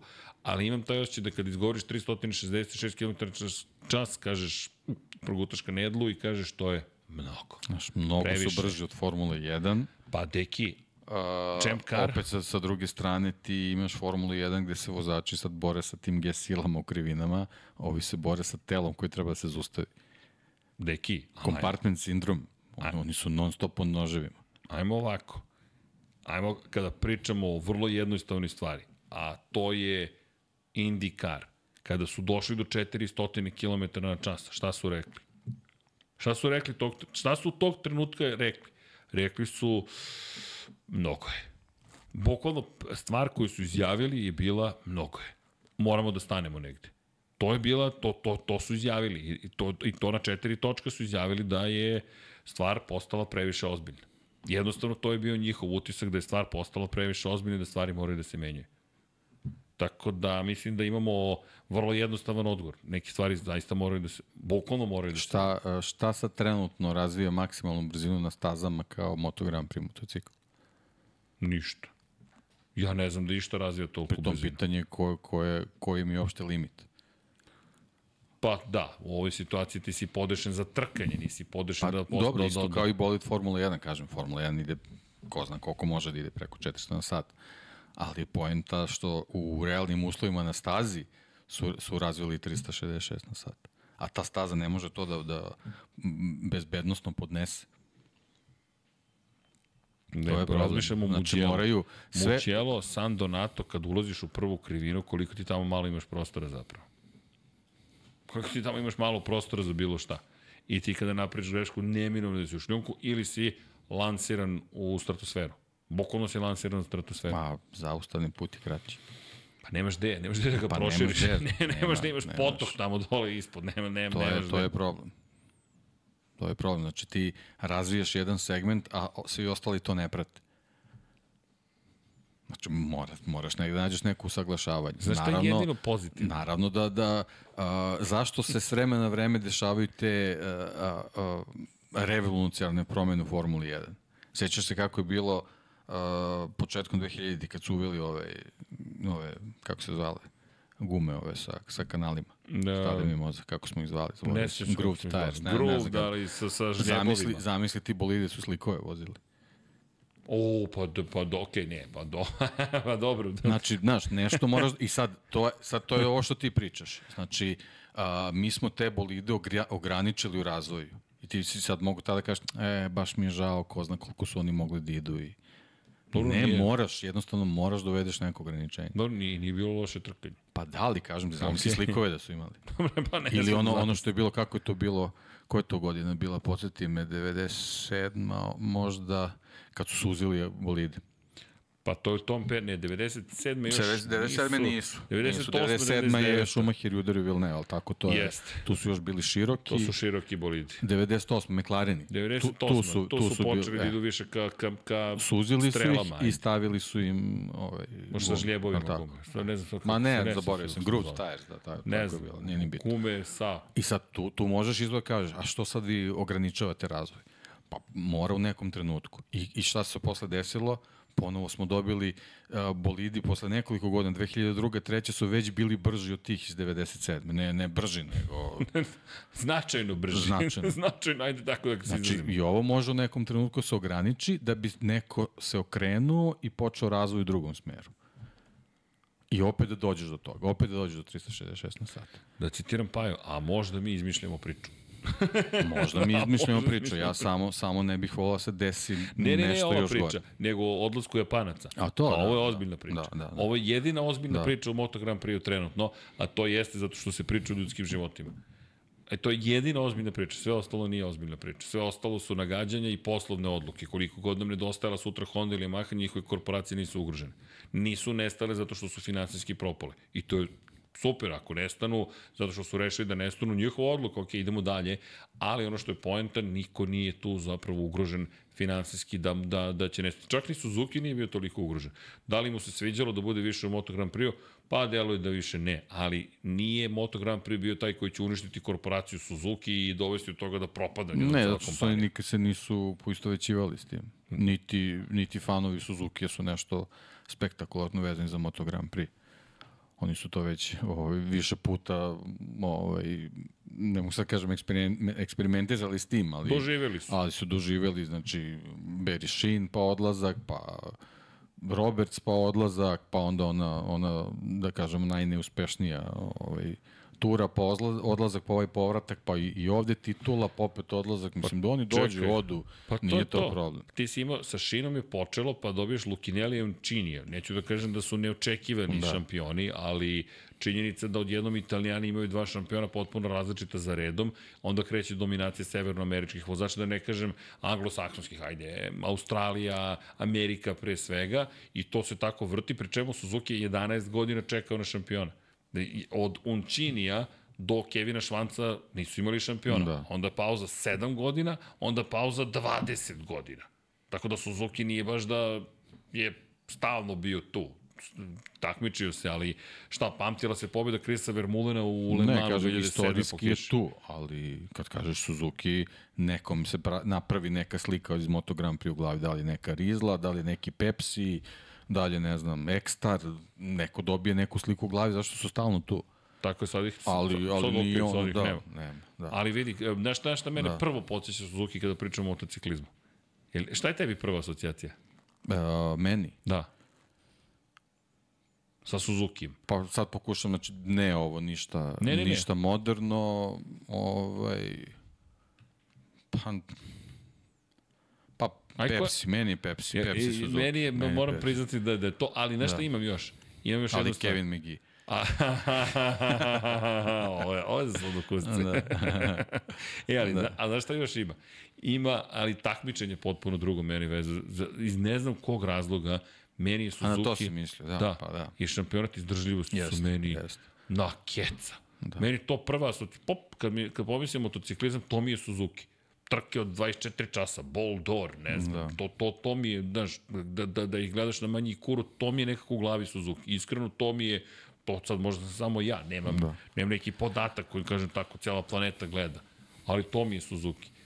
Yamaha, pa Yamaha mi je kombinacija. Reini, Rossi, Da. to mi je kombinacija. Pa da li generalno Marlboro Yamaha, to je taj neki period. Pa, da, ali, a je, to je zanimljivo. To je, da, da. Ja, mislim, zato što ja, ja sam tad, kako bih rekao, upoznavao taj svet i, znaš, nekako drugačije emotivno to gledam i, i meni su to asocijacije. Znaš. Ma Honda mi je Repsol. Da. Honda da, je baš da, utisnuto Dobro, kao Repsol. Rotmans. Rotmans Mada. Rot, Rotmans Ona pamtim, ali... Da, ali, ali Repsol Honda, mislim, to, taj, taj spoj u stvari nekako vezan za ovu novu, u stvari za Moto Grand Prix. Za Moto Grand Prix. Honda je ta Za koja je povukla, 30 godina. povukla taj, taj, taj ekstremni korak sa Duanom koji je bio na Rotmansu. Jeste, jeste, Prvo, bio je. da. Ali su i oni hteli da se Da. odalje od Jeste. tuvanske industrije. Jeste, I onda jeste. su prešli zapravo među... Ali to isto Ali fascinantno. Duan koji učestvuje u razvoju praktično Jeste. ove nove priče, jednostavno to, to je Honda. Mislim, Ali čekaj, Rotmans koji u tom momentu sponzoriše Williams u Formuli 1 i Hondu u Moto Grand Prix. Kakva su to neka sponzor... Ne, prosto ljudi, to sada čak ne možete ni da kupite da, te pa replike. kao što je bio Marlboro McLaren i Marlboro Yamaha. Jeste. To, je, to su neki, neki, neke prepoznatljive stvari iz tog vremena. Je li Pepsi bio u Formuli 1? Ne. Ne mogu da se setim Pa toga možda uopšte. ne, nešto kao u nekim tragovima, ali ne, ne kao na Suzuki. Ne, ali Pepsi Suzuki to je, Da. to je jedna od onih To je, ali to je, to je bila američka priča, to je verovatno dosta je švanc doprineo tome, zato što je Pepsi tad e, imao ogromne marketinške kampanje sa, sa mm, ovaj, s muzičkim zvezdom u Americi, sa Tinom Turner, sa Michaelom Jacksonom, to je, to je, to je verovatno, to se nekako povuklo, pošto Amerikanca nisi imao u Formuli 1, onda, onda teško da, da, da im je to bilo toliko zanimljivo, verovatno im dosta novca odlačilo. E, vidi, ka, meni je to mnogo lepo zato što je to potpuno nekako kao neko bočno sponzorstvo. To jedno se pojavilo i nekako začinilo celu priču i kao cool. To je Pa to. verovatno nije mnogo koštalo, odnosno Formulu 1, a, a u tom periodu je bilo efektno. Ne, ne, to su... Ti si za, za, za relativno mali novac ceo motocikl imao farban u svoje boje. Sad malo teže. Malo Mada, RNF da mi kontaktiramo. Da. Kažemo, drugari, može jedna nalepnica ko želi da imamo nalepnicu Moto Grand Prix, onda, znaš, ono, patreon.com kroz Infinity Lighthouse. Ili kliknite dogme join. A možete i da donirate. To mi je dolar tu u chatu. dakle, i da, da, ne znam da neko nije donirao da sam ja propustio to, zato što smo se mi raspričali. E, imali smo donaciju i pozdrav još jednom za našeg future Gracijana Rosija. Samo ne znam ko je taj njegov Valentino Rossi u tom trenutku, ali, ali je sve Pa okej. budući. Budući, budući. Znači, ne, neki vale raste. E, evo, sad, sad pre, vidim, diskusija se, se pokrenula. E, e, ne mogu sve da ispratim. Ali, ljudi, e, kada govorimo o, o bezbednosti, apropo ove cele priče, ne poredim ja Formula 1 Moto Grand Prix. Ma ne može se Pokušavam- pored 24 čo- ne, ne mogu nikada. Ljudi, dva točka će uvijek biti previše opasna. Jednostavno, to je defaultno stanje. Ali mislim da Deki ovde govori o tome da to previše opasno postaje super opasno. Dakle, mi sada dovodimo do Pa toga da što ti... zbog motocikla, što zbog formata takmičenja. Čekaj, To, ajmo. to su dve stvari koje onako u tom nekom, e, ono što si ti malo pre rekao, ne, ne jedna stvar da, da nužno dovodi do toga, nego ceo taj paket koji imamo za trkački vikend je sad prilično onako napet i, i sve opasniji. Ljudi, uh, ajmo ovako. 366 km na čas je 100 metara u sekundi. Dakle, dosta da, jednostavno. Jednostavno, je, da. Dakle, po, pomnožite sa 1000, podelite sa 3600. Dodate kilometražu To i su namerno tako je sekundi. napravili da se lakše izračuna. Tako je da se lakše računa. Tu bukvalno smo na 101 metru u sekundi. Dakle, ne, ne, razum, ne razumete, Da, zakasnite. iako je na trenutak, da, da se razumemo, znači ne ide on 366 Ne, no, km na sat, neprekidno, na- nije 15 avion, sekundi, on ide naravno. par sekundi, ma šta par sekundi, Znači, on se Pola kreće, sekunde, ali- ubrzava se to, dakle, 70, 80, 90, 100, km, 100 metara u sekundi. ide 100 metara u sekundi gde hvata kočenje na neki 150-200 metara. Da, sad za, za, to se smanjilo, ranije na 300 da. ste hvatali i onda hvatate i sad imate jednu i po silu zemljine teže negativnog ubrzanja, gde vi morate da se izborite s tim motociklom, pri čemu kočite i, da ne zaboravim, kočite i motorom, dakle šaltaš brzine, kočiš, pri čemu pripremaš, naoružavaš sistem zapravo za spuštanje zadnjeg kraja, jer kada dodaš gas na izlasku iz krivine, želiš da ti se spusti zadnji kraj, koji ti si inače podigao u momentu kada si krenuo da kočiš, istovremeno ta guma se pretvorila u pljeskavicu i ti si u krivini, nadaš se da nećeš pasti, a od tebe se traži da skreneš pod uglom od 64 stepena, jer su svi počeli da voze na ramenima otprilike i tebi tačka pivotiranja tvoje rame i sve to zajedno treba da izvedeš x krugova tokom trke, XY krugova tokom celog trkačkog vikenda.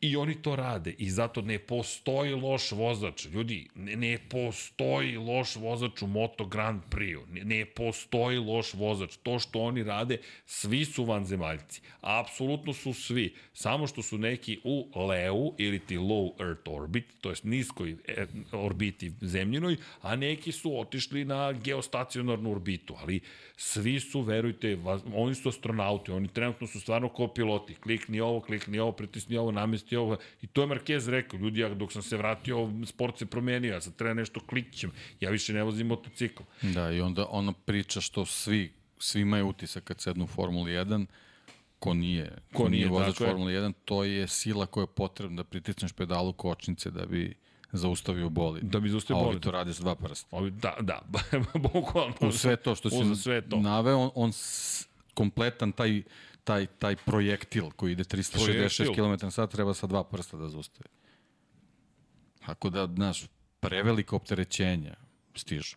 Ne, ali ja mislim da O psiho... tome se radi. E, ali to ono što smo juče pričali, psiho-fizički, ne samo fizički, ti si na novom nivou. Kognitivne sposobnosti tvoje moraju da budu ozbiljno razvijene.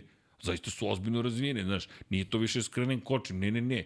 Ti sada moraš da zamišljaš o svemu. Mapa, Da. trošenje gume, trošenje goriva, gde ću da napadnem, kako da vozim u I onda, da mi se ne zagreje nisu, previše motor. nisu interesantni. Pa ne mogu da budu interesantni zato što glava im je procesuira toliko stvari. Da. Ne, ne, neću da kažem da je bilo lako, ali, znaš, Kevi Švanc dođe u, u Makao i pola kruga vozi na zadnjem točku.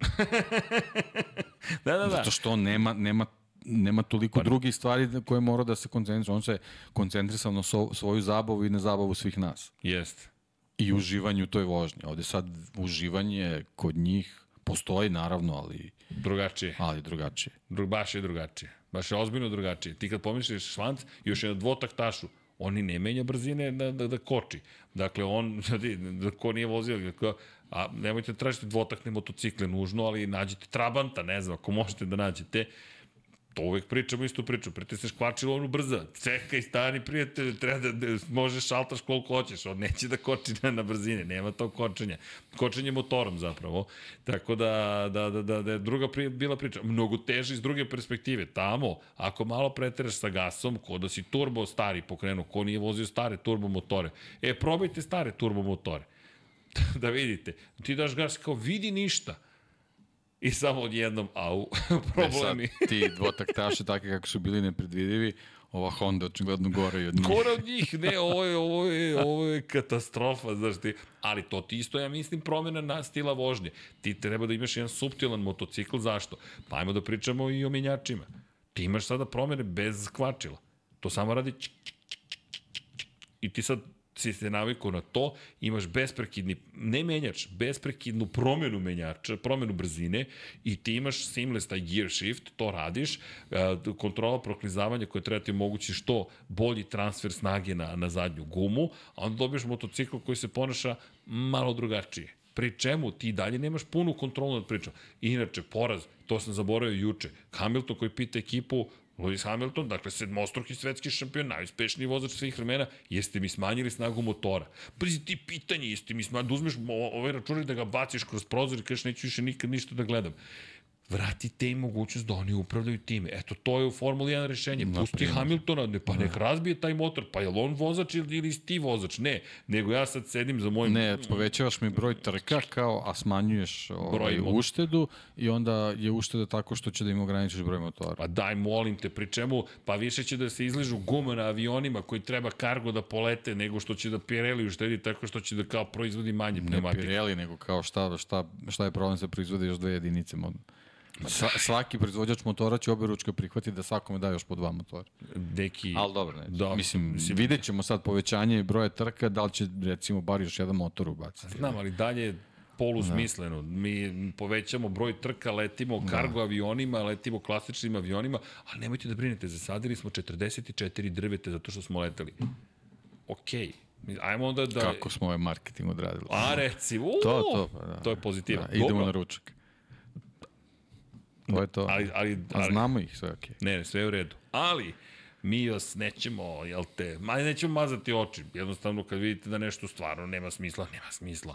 A meni ovo nema smisla. Ali da se vratimo mi na našu temu. Ne, kažem, meni samo pitanje dokle će to otići. Ne, ne, nemam ja Mislim sad da će ih rešenje, sad. ali jednostavno kažem ti meni, Mislim da ih zaustavljaju pola. nažalost, ono što smo pričali pre početka sezone, ispostavilo se da mi Aleksa Rinsa nećemo imati na stazi gde očekujemo da vozi Deki, kao što je vozi u Teksasu. Mogu da te pitam, koliko ti je uzbudljiva sezona Enea Bastianinija?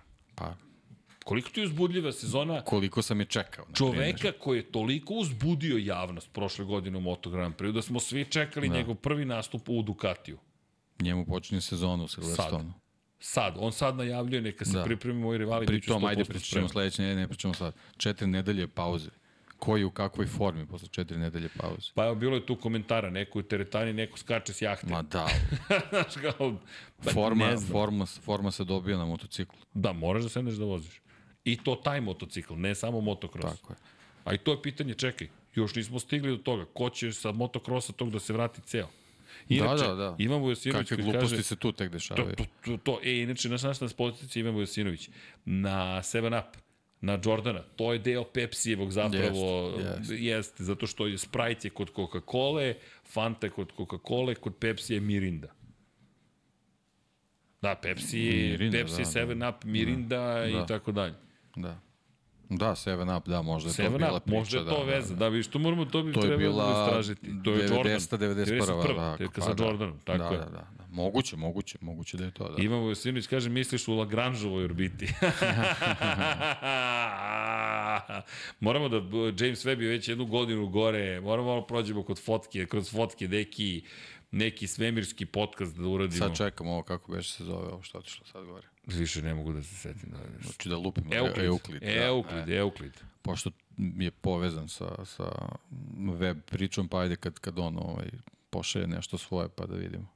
Da uklopim. E, evo pitanje da li postoji loš vozač koji se pojavlja. Pa u Moto Grand Prix ne, ne stignu. A, između ostalog, inherentna, da ne kažem nasledna opasnost, to je činjenična prirodna opasnost Moto Grand Prix-a, većinu vozača zapravo spreči da dosegnu do tog, taj nivo. Jer ovo ljudi, Ne, sad je već, sad je već jako teško, Teško da, je. da dođe neko ko... ko je loš? Mislim, naš, uh, konstatacija da neko loš zato što sekundu zaostaje po krugu, to je stvarno... Ne, ne, ne, to je... To je, to je, evo, to je, evo, na primjer, Onda, onda smo mogli da pričamo u poslednjoj sezoni Valentina Rosija da je on loš.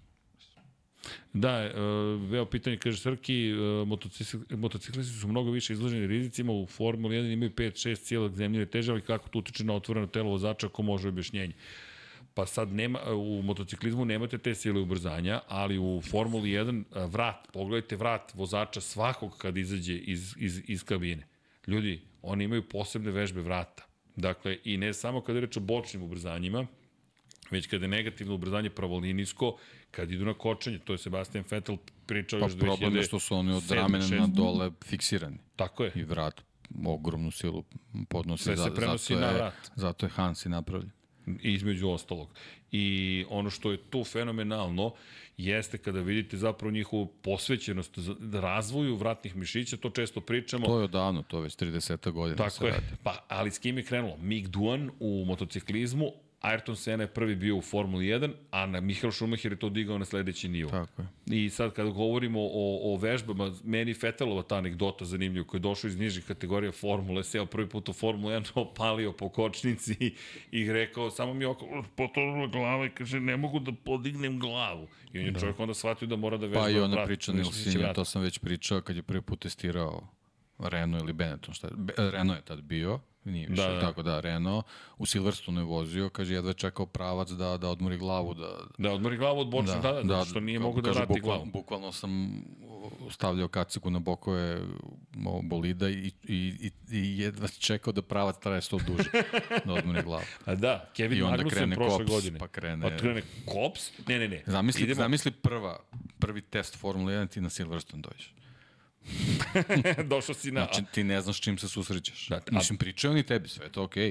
Okay. Ali to ne, ne, ne, ne možeš da se pripremiš za to dok sam ne osjetiš. Dok ne odeš i to u bolid da, Formula 1. Da, i to, to je to što pričamo o testiranjima, ne, uh, treninzima. Ne, ne možeš ti da treniraš Moto Grand Prix na Superbajku, to, to nije isto. Ne ide. Nije, nije to to. Ne ide, ne ide. Možeš da treniraš, naravno, sve okej, okay, ali možeš ti da voziš i Formulu 3 i ne znam šta, ali Formula 1 je ne, neka druga priča. Da, ne, kaže Muki Alex ne postoji Lagrangeova orbita, već je Lagrangeova tačka. Jeste, Muki, Lagrangeova tačka. Ako ste gledali James Webb lansiranje, znate ste pričali smo o, o tačkama. 1, 2, 0, 4 i tako dalje. Nije Muki, pa neki put nas pohvali. Samo kritike, ali dobro, tako smo bolji. I u pravu si, ne postoji Lagrangeova orbita, postoji Lagrangeova tačka tačka koju i zauzima, jel te, i to nije stabilna orbita na kojoj se nalazi na Lagrangeovoj tački 2 beš, jel tako, L dvojka, James Webb teleskop sakriven u senci planete Zemlje kako se ne bi pregrejao, ali koji je zapravo u orbiti Sunca, kao što je i planeta Zemlja u orbiti Sunca. Tako da znate. E, u F1 na uličnim stazama je veliki rizik da trepneš. E, Pa da, to, to, da ima, ima, ima tih problema. Kad se sedi, meni Abu Dhabi i dalje 2013. To je poslednja Fetalova pobjeda u, u Red Bullu, kada nije trepnuo ceo kvalifikacijani krug. To mi je fascinantno jer pod svetlima reflektora ima providni vizir i ovako. Ali ovako sa strane mu prikazuju lice i vidiš čoveka koji nijednom nije trepnuo. Pomera se glava, napred, nazad, na, sve se to dešava, ali nijednog pa, momenta nije trepnuo. Po, potpuno, ali fascinantno je bilo, zaista je bilo fascinantno gledati. Dobro, E, do, kaže, moja starima, dolazimo do onoga da motociklisti moraju da vežbaju leđe da bi napravili padobran, e, da zaboravim se imaju začu koji je to radio. Pa to je radio Carlos Čeka još 90-ih. On je zapravo vežbao mišići grudni, e, grudni, e, grudnih, grudne mišiće vežbao kako bi mogao zapravo kada se ispravi da napravi jedro da bi postigao veće negativno ubrzanje i zapravo u kraćem, za, imao kraći zaostavni put. To je bukvalno radio. A kaže, zamislite Rasela na Moto Grand Prix da mu, da mu upadne znoj na 366 km na čas. I kaže, izvini Srpki, profesionalna formacija, završio sam fiziku i, i ne, naravno ne radim sad ništa ni, ni blizu iz tog polja. Muki, ali... Ma sve okej. Okay. Muki, slušaj ti sada mene Muki. Ako možemo na ti, nemam pojma koliko imaš godina, ali cenim da nisi stariji. Dakle, ja te molim da nam pišeš na lab76infinity at infinitylighthouse.com da nam pomogneš u razvoju našeg svemirskog programa. Ja uopšte se ne šalim, zato što hoćemo da radimo neke stvari, ali zašto u kada je reč o kosmosu zaista smo vrlo pažljivi, zato što se da, zaista radi o nekim stvarima koje zahtevaju ekstremnu preciznost, kao što je Lagrangeova tačka, a ne Lagrangeova orbita. Tako da, treba nam pomoć, obratili smo se i naučnoj zajednici, mislim da nas ne shvataju dovoljno ozbiljno, pogledali su naše podcaste i nisu baš naj, nismo naišli na entuzijazam koji mi delimo, ali razumem... Japanski pristup. Japanski pristup. Ne, ne, ne. Naučnici su kao kreativci. Japanci. Japanci, vidi, obožavam ih i u potpunosti ih podržavam, ali ja im pošaljem snimak šta mi radimo I odgovor je hvala, da. ne hvala. ne, ne, ne, ne, ovdje, ovdje odgovor je, ja, divni ste, super, mnogo vas podržavam, ali vam se neću javiti. E, kaže, e, sad si se ugasio, sad ćeš da radiš fiziku, tako je. Ajmo muki da radimo fiziku zajedno, zato što je to jedna lepa naučna disciplina, to je disciplina, to je nauka, nije to disciplina, to je nauka. Jedna krajnje ozbiljna nauka, matematika, fizika i tako dalje i tako dalje. Kaže, kad ne vozite već MotoGP u podcastu, da mi da vam šaljemo snimke, a vi zaberite čiji krug će ići u podcast. Ej, da, razvijat ćemo to, samo moramo da naučimo malo ono što bih ja pravio jeste zapravo, ako se slažete, sprint trka. Pa, mi upalimo Director's Mode ako postoji u 23-ci, ne znam da li postoji, i ko je raspoložen to veče, tačno u, određenom trenutku, tipo 22.30, vozite veliku nagradu staze koja je pred nama kad najavljamo trku i onda lepo imate Matiju, Nikolu, vas, ne znam ko još vozi i vi se trkajte, imate kup Lab 76, neće još da bude šampionat, neka bude kup, a podržat ćemo i svaku e-sports ligu koja postoji na, na novim prostorima ili okuplja neki ljudi koji su porekno s ovih prostora gde god da su, zato što to prosto volimo, ništa drugo. Inače, za one koji ne znaju, uključujući Dejana Potkonjaka, sklapamo McLaren u avgustu. ne znam da si informisan, ali ponovit ću još jednom. Deki, imam, imam viziju kako će to da izgleda. Oduševljen sam. Znam da si potpuno oduševljen. Vlado, to nam je novi challenge. Naspavaj se, Vlado. Naspavaj se, Vlado, ozbiljno se naspavaj i kad krenemo, to, to vidi, to će da traje. Nećemo Ovo je dobro. mnogo traje. Ovo, ovo je, uf, obnevide smo, ali, tad nismo ni znali. I znaš čija je to bila ideja? Sedi za ovim stolom, a nisam ja. Pa ti vidi. Dakle, ne tako, sam je predložio, razumeš? A ja sam naravno rekao da, jer naravno, i nije bilo japansko da, bilo je balkansko da. Ali šta hoću da kažem, Vlado, pripremi se, Paja je isto rekao da će doći, tako da Paja slaže Lego, to će biti raslov. to je onako U to ime clickbait. pusti klimu. u to ime pusti malo klimu. Mada se shvatio da nam malo ulazi klimica u, u mikrofončiće, mnogo ulazi. To se nije dešavalo, nešto smo uradili, e, nešto smo preusmerili i počeli da kupi vrlo ozbiljno zapravo strujanje vazduha. Nemam pojma da li je prejako sada nameštena, ali to ćemo da rešimo. Tako da, dakle, sklapat ćemo McLarena, moramo da vidimo, možda mu neki BMW, da uzmemo, moramo da vidimo Stavi šta je možda na ono vlagu, onu. Tu ne bi trebalo se čuje ventilator. Da, ja ne znam, je li ti, je li ti kapljica? Vlada vidi kao i ja. Od ona 4 metra razdaljena, ovako otprilike. Baci Vladu da vidi. Pa, sledeći put. Sledeći put. Da, ajde, pa dobro, ajde, ne moramo sad. Da, Ne nije, možeš da- Ne moramo sad. Ako Vanja krene bi- se čuje, ugasi. Vanja bi da. bacio, veruj mi, da. ništa da brineš. Elem, Srki, popravio si se u F1 23, odvezi jedan krug na Silverstone u MotoGP-u. Polako, nisam vežbao. Nisam, e, ali zadovoljno sam juče, stvarno je bilo, bilo, Jeste, jeste, bilo okej, dobro. okej. Bilo dobro. Čak sam ja bio, su, ok, počeo sam i da vatam temena krivina, to je sad dobro. A vidi ga Alex Muki što je nestao. Muki, Alex, nestade čovjek iz četa. Rekao da i od... Rekao, ne, nije rekao ništa, samo je rekao da je Pa to, fizičar i samo je bilo tutanj, ovi su me provalili. Tako da, ajmo, nemoj muki sad da mi bežiš, nego da se javiš na Lab 76 i da radimo divne stvari, da, da, da širimo znanje tvoje. Tako da, da znaš, mi to volimo da radimo. Evo ga, zvuči zanimljivo Srke, javim se da vidimo čemu se radi, naravno pomognemo koliko mogu. Muki, stvarno je, ja verujem, jednostavno nećemo još da radimo astrofizičke, to jest astronavigatorske proračune, poenta jeste zapravo neke osnove fizičke da objasnimo i da kada se dešavaju lansiranja i kada se dešavaju stvari koje vidimo tokom, ne samo lansiranja, već može i u formuli, u Moto Grand Prix objasnimo šta je, zašto se kaže negativno ubrzanje, a ne usporenje, zašto se, koje, šta je to uopšte sila o kojoj mi pričamo, šta je kinetička energija, šta je potencijalna energija, šta je zakon održanja energije i mase? I da li, gde šta nam je tamna energija, to je, Euklid se upravo time bavi između ostalog. Ako imate neke saradnike koji mogu da nas shvate malo ozbiljnije, pomozite nam da dođemo do njih. Dakle, da pokušamo da širimo ne samo znanje, nego zabavu i znanje. To se zove edutainment, to sam nedavno saznao, ali nije bitno kako se zove, pojenta je da ne uradimo neke lepe stvari. Eto tako da, Muki, piši nam pa da se družimo. Daron O'Shea, Da? Muki Blejlok. Šta? A, da li ste videli da Akademija 46 radi na 38 stepeni Celsijusa i to sa Rosijem? Radimo i mi. Pa, Što ne bi radili? E, e da, inače Master ima, vidjet ćemo ove što kritikuju na komentakoke u biblioteci. Tako je, mi komentakoke pripremamo. Tako da sad samo imamo u kom prostoru će biti, ali spremite se za komentakoke, dakle pripremit ćemo 10 najuzbudljivijih momenta nekih iz Formule 1 i iz Moto Grand Prix-a, pa da vidimo ko će biti najbolji. Možete da birate iste, možete da birate različite, ali u svakom slučaju da vam pripremimo zabavu i da vidimo ko bolje komentariše. Je to u redu? Apsolutno. Ja mislim da to super. E, jel imamo, kaže Mukin i ne zna se u šta si se uvalio. Ne zna, ali saznaće. u svakom slučaju, hvala za podršku. Deki, ima nešto još da mudro dodamo u celu priču? Mislim, uvijek je zabavno Pa pričati zabavno je sad, tu je bilo nekih raznih glasina, nešto, ajde ostavimo za sledeću nedelju. Ovaj, Ne, sledeća nedelja je prava najava. Najavljujemo, da, i bit će možda neke stvari koje će onako možda biti potvrđene da sad mi tu nešto ne...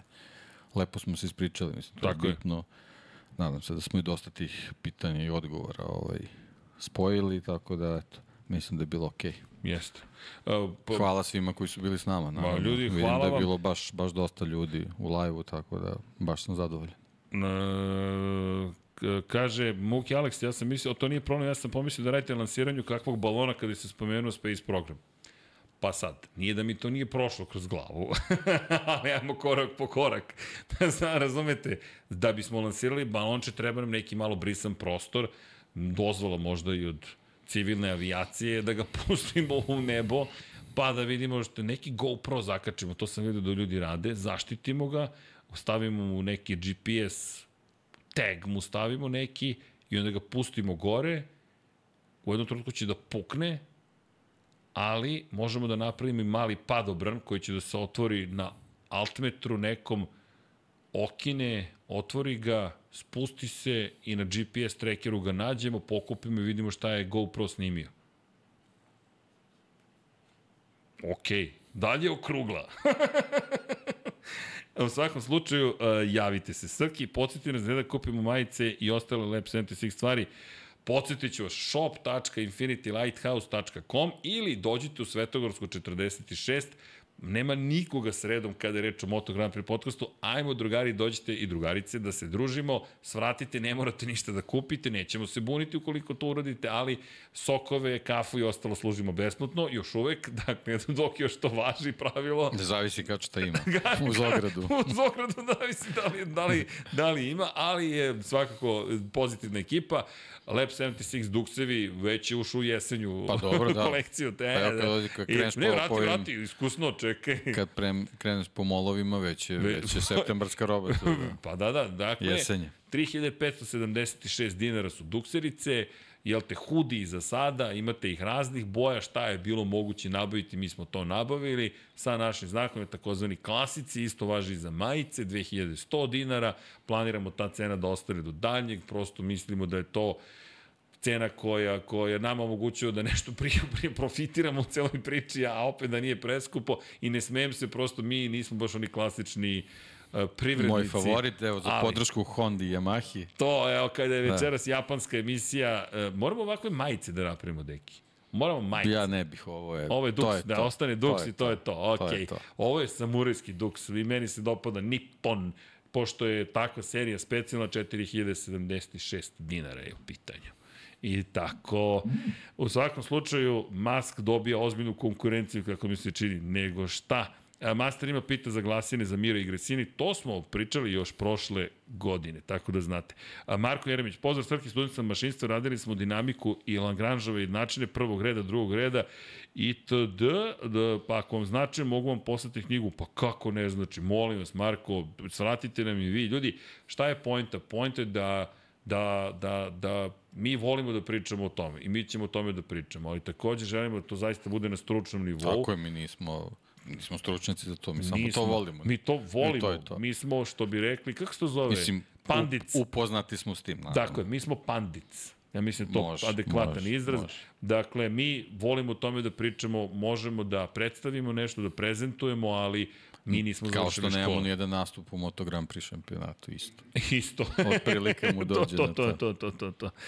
E, inače, e da, Boža kaže, zaboravio sam da pitam juče, da li se zna zašto je u Formuli 3 voženo 19 krugova u glavnoj, pa za, bilo je, e, zato što je Zbog Pirelli... je bio neki problem, da, Pirelli je doneo novu zapravo srednje tvrdu gumu za Formulu 3, ispostavilo se da ne može da izdrži celu trku. U Formuli 3 inače samo jedno jedinjenje im, to je jedinjenje, jednu tvrdoću im donose, izabrali su srednje tvrde gume za Hungaroring, ispostavilo se da u kombinaciji visokih temperatura i te nove gume jednostavno ne mogu da izdrže više od 19 krugova bezbedno. A pošto nisu hteli da teraju vozače da moraju da menjaju gume, onda su ograničili na sprint trku. Tako da, da to, eto, to je to. Je to. E, inače, imam pitanje da li će možda ubrzo biti prevedena nova knjiga MM. Radimo na obezbeđivanju prava, ali pre toga da završimo, to je da objavimo sve ono što smo već isplanirali. U suprotnom, Deki će sa mnom izvršiti harak... Sa, mene će da. eliminisati, bukvalno. Dakle, nemojte to da spomenjete pred Dejanom, ja vas to. molim. E, u suprotnom, zaista mislim da će primeniti vaspitne mere iz 19. veka. U svakom slučaju, um, čini mi se da je ta knjiga napisana za period od 2020. Da, da, ima, ima tu nekih baš ozbiljnih noviteta. U svakom slučaju... Uh, Ajde sad čekamo septembar i test. Da, pa da, da, da, da, da, da, da, da. Da, inače radimo neke nove stvari, tako da znate, ima svega u kuhinji, baš smo vredni i ozbiljni.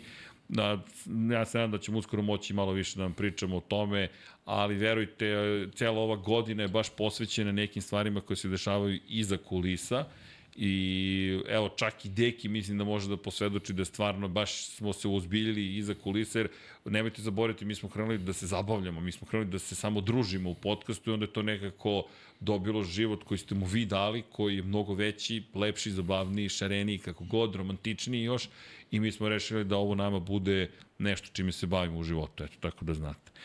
E, Boško proziva, ali proziva, ali to je sve u redu. E, kaže Srki, da li je u petak live 99 yardi? Nije nije, ni Miksa nije u gradu, ni Jimmy nije u gradu, ne znam da li je Vanja u gradu, ako hoćete mogu ja da setim za sto i da vas zabavljam, ali nešto bolje su momci uradili, snimili su jednu lepu, prelepu emisiju, neke lepe intervjue i to je već spremno, naš Nikola Montažer je sve već to spremio i to čeka, evo zapravo ćemo sutra ujutru da zakažemo premijeru, tako da nije live, ali verujem da ćete uživati, mogu da vam otkrijem zapravo O čemu se radi, to je futbolska priča Marka Bejca. Tako da znate i ja se nadam da ćete biti sa nama da to ispratite. Premijera će biti standardnom, sada trenutnom ovom letnim terminu od 8 časova, s obzirom na činjenicu da se radi zaista o jednoj lepoj priči. Eto, ja vas pozivam da da je ispratite zajedno sa svima nama, sa celom ekipom i kažem, sutra će biti obavljeno i kada je ta premijera, tako da znate, vrlo je lepa priča i kažem, mislim da ćete doživjeti samo 2 sata 58 minuti 25 sekundi. Ili ti sitnica za ekipu iz Infinity Lighthouse-a. A da ne bismo došli do, do 2 sata i 58 minuta, trenutno smo na 2.36, e, kaže, prođe još jedna pauza bez specijala. Koji sad specijal, koliko sam ih obećao, ne mogu da ih pohvatam. A, gde bih mogao da vam pošlem PDF-ove gražu i šta sve nabavim? Lep, lap 76 at infinitylighthouse.com, tako da znate. I inače, Luka kaže da čekam da čujem Vanju u ugovoru Herbertu. Samo da znate, razmišljao sam još kad ovi Jimmyevi e, Orlovi potpišu ugovor, jel te, sa svojim kvotrbekom koji će biti rekordni, je, ja ću imati najjeftinijeg kvoterbeka u vidu Aarona Rodgersa, što je sasvim u redu. I tako da znate. E, Srki kaže ne blati Kvartarara nego Yamahu. Pa nisam blatio nikoga, kritikujem ih, ali Kvartarara svakako nisam. Da li sam ga kritikovao? Pa da, samo smatram da i on ima udela u tome da se izgubi 91 poen. To jest da je mogao neke stvari da i on uradi bolje. Ali tu sad tražiti jednog krivca ne postoji, zajedno su pali. Zajedno uspevaju, zajedno padaju. To je to. Jednostavno je. Eto, kaže, ima ih uh, 191 specijal, 27 specijal, 99 specijal, dolazi 404. e, to je, pošto četvrti podcast nikad nije postojao, onda 404 not found podcast moramo isto da uradimo na neki specifičan način. Ok. Um, uh, uh, uh, Jimmy su već potpisali QB-a File. A jesu potpisali? Čekaj, čekaj, je li, reko, je li rekord pao? Čekajte, pa sad ste me zbunili. Nisam ispratio taj moment. Dakle, čekaj, koliko je Hertz dobio? A da, Hertz, čekaj, kontrakt. Čekajte, to sam zaboravio. Da vidimo, Hertz contract details, koliko je bilo? 255, jeste, jeste, dakle, 110 je zagarantovan. Pa šta mu ja dođe? Ovaj moj Aaron Rodgers dođe kao nekako, kao da je jeftino kupljen i nabavljen. Ode mi deki. Ode deki. Deki nas je napustio i rekao je da prešli ste 99 yardi, ja, ja u tome ne učestvujem. Nije, Deki je otišao po vodu zapravo da me spasi od samog sebe. Ali Deki vodi računa. Da, jeste, hvala. To sam zaboravio, to beše u aprilu. Jel? Da, da, da, eto, Hertz potpisa ugovor Dakle, 51 milion. Dakle, svi quarterbackovi mu dođu, uh, Lamar zarađuje preko 50 miliona godišnje, Hertz zarađuje preko 50 miliona godišnje, Je ovaj tvoj Bengal, da ne kažem Tigar, ili on preko 50 miliona godišnje laganih, dakle, Rodgers dođe povoljno po, na popustu je bio. U svakom slučaju, e, da ne odem sada previše u 99 yardi, ljudi, u petak gledajte specijalnu emisiju, ide Barov na 270, to ti kažem, Deki has left the building. Ej, drugari, hvala vam, e, pozdrav iz Nikšića, pozdrav za Nikšić, dakle, pozdrav za sve vas, hvala vam ljudi što nas pratite, udrite like, e, daj vas zamolim, zaista, verujte, pomaže. Znam da nas YouTube tu trenira, da mi vas onda pozivamo, onda mi ima, imate cele časove, imali smo, a to je smešno, mi imamo 45 godina i kusur i čovek iz YouTube objašnjava, znate, idealno bi bilo kada biste vi publici vašoj rekli, sada kliknite like, kliknite subscribe, razmišljam, čoveče, imam 45 godina, aman, govorim to već 3 godine, zato što znamo da to moramo da kažemo, ali kao da ti podučimo kako će se unaprediti, ne znam nije šta. Rekao, vidi, mi našoj publici ne govorimo tako, mi kažemo ljudi, ajmo da namestimo algoritam i, i to je to. Ako vam se dopada, pa like svakako dobro doći. A da vam se ne dopada, dobro dođe i dislike i like, sve to u redu, to je sve interakcija. Ljudi, a, bilo je ovo 329. izdanje, Deki će nešto da smisli za 333. Ne znam zašto to mi je sad palo na pamet. Ili imamo nešto 333? Evo, Pa ima. ako je tri šestice broj, jel te zveri, ako je to beštin broj tamo negde u budućnosti, ali onda ajmo 3, Pa ne, ne, 3, čekaj, čekaj, njegov Njegov je broj 23. Ne, njegov je 33. 33, Ako ja se dobro se, sećaš. dakle, on Njegov je, je 33. a mu je pa Brad imamo Binder, Bindera koji je 33, imamo Max Verstappena koji je 33. Imaš razne vozače koji nose taj broj. Možda možemo ubacimo neke trojke poput ovog, kako zove, Ricarda. Ricarda. Tako poput da, ovog Daniela. eto, imamo taj... ne, ne, ne, ovo je bilo... Eto, imaš, imaš specijal o tom broju. Deki, uh, ti si bok. Evo ruke, dakle, i u to ime vam kažem... O, Gde su ti momci ove sezone koji nose 3, 33, Pa 333? dovoljan je ovaj jedan. Naći ćemo neko koji nosi 333. Max će uskoro da ima 33 Ima sigurno prosečno. negde 333 u nekom šampionatu. Naći Pazi, ćemo neko. 111-ica svi znamo, ali Ne, ne, ima, zato što ima, 333. ima šampionata gde, kad je više kategorije, onda neki imaju trocifrene brojeve na, na automobilima, pre svega. Slušaj šta da, sam smislio, ovo je mega korni, ako ovo ne zaživi, ništa neće. Pošto Maiden imaju, dijelite, tri šestici Number of the Beast. A mi ćemo da pevamo u tom podcastu 3, 3, 3, The Number of Beauty. Ako Okej. ovo nije korni, ništa nije korni, a? Jesam ga izuo, jeli, Vlado? Ovo je kraj, Vlada je posrnuo, pala mu je glava ovako. Povraćat ću. Pao mi u depresiju vlada. ne, ne možeš da veruje čemu prisustuje. On čovjek muzički obrazov školovao. Lepo sve kulturno. Inače čovjek koji ide... E, kad nam ideš, Vlado? Pitao sam te hiljadu puta i pitaću te još hiljadu puta do puta i odgovori mi, molim te. Sledeći četvrtak da bi odradio... Ide u četvrtak, a čekaj, 76. čekaj, koji, koji, ne, ne, ne, e, samo da znaš, sledeće nećemo pomeriti Lab 76 na ponedljak i utorak. Da, tako da brže Tako završavam. da, Sreda tako ti je znaš. slobodna. Sreda ti je slobodna, možeš sa nama do jednog, pol, polovine puta. e, a čekaj, gde ideš, kako se zove festival? Membrane. Membrane. Da, da. To mi odmah padne, od, odmah mi krene Cypress Hill, mi upadne u glavu. Ali, ok, Membrane, gde se održava? Membrane u Šibeniku. Ko želi, dakle, može da podrži Government 4000. Zvuči tako, zvuči tako, tako aktuelno. dakle, zapravo, e, može, je, je to sad to Tako Oppenheimer, O, Oppenheimerski, dakle, idite na Membrane, čekaj, moramo da nađem, Membrane u Šibeniku, dobro. To zvuči spektakularno. Membrane festival, ili kao membrane, kao mozak. Da, mem, da, dobro. Mem mozak, dobro. Dobra idite, igra. Idite na mem mozak, čekaj da vidim na kom si ti stage-u.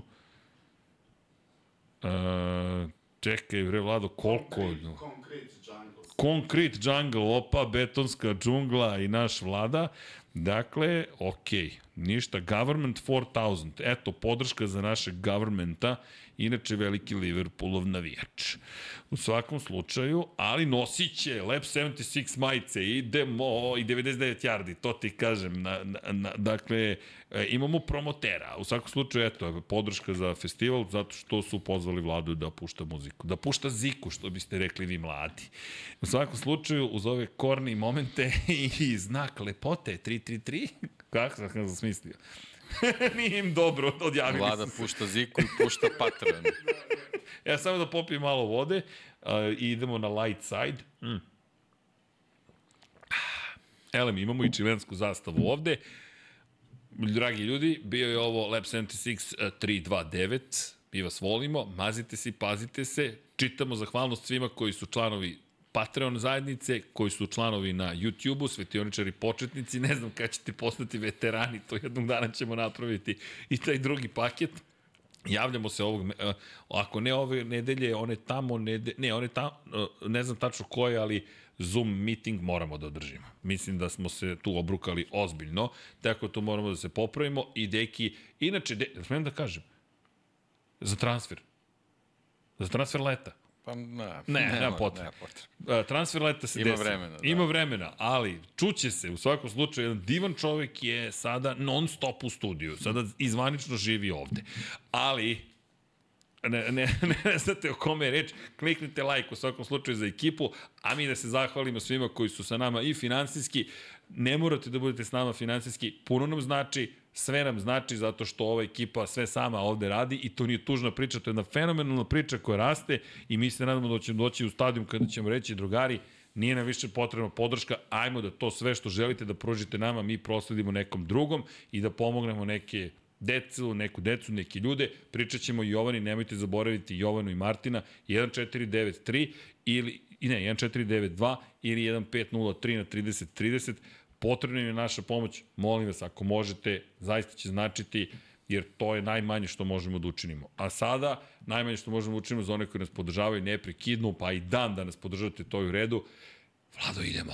DJ Government, kaže Alen Stojčić, Milan Milašević, Vladimir Filipović, Miloš Broćeta, Crnogorski džedaj, Stefan Ličina, Bojan Markov, Nenad Simić, Katarina, Ognjen Ungurjanović, Stefan Radosavljević, Antonio Novak, Dušan Ristić, Luka Savović, Aleksandar Jurić, Vladimir Petković, Nemanja Zagorac, Sean Hing, Mirina Živković, Deus, Nikola, Živojin Petković, Nikola Marinković, Bahtjar Abdurmanov, Đole Bronkos, Đorđe Andrić, Branimir Rijavec, Luka Klaso, Nikola Božinović, Anonimus, Donatorus, Žarko Milić, Marko Petrekanović, Dejan Đokić, Marina Mihajlović, Miloš Rosandić, Nikola Grujičić, Mlađan Antić, Ivan Novak Tomić, Ivan Simeunović, Vladan Miladinović, Kovačević Omer, Stefan Vidić,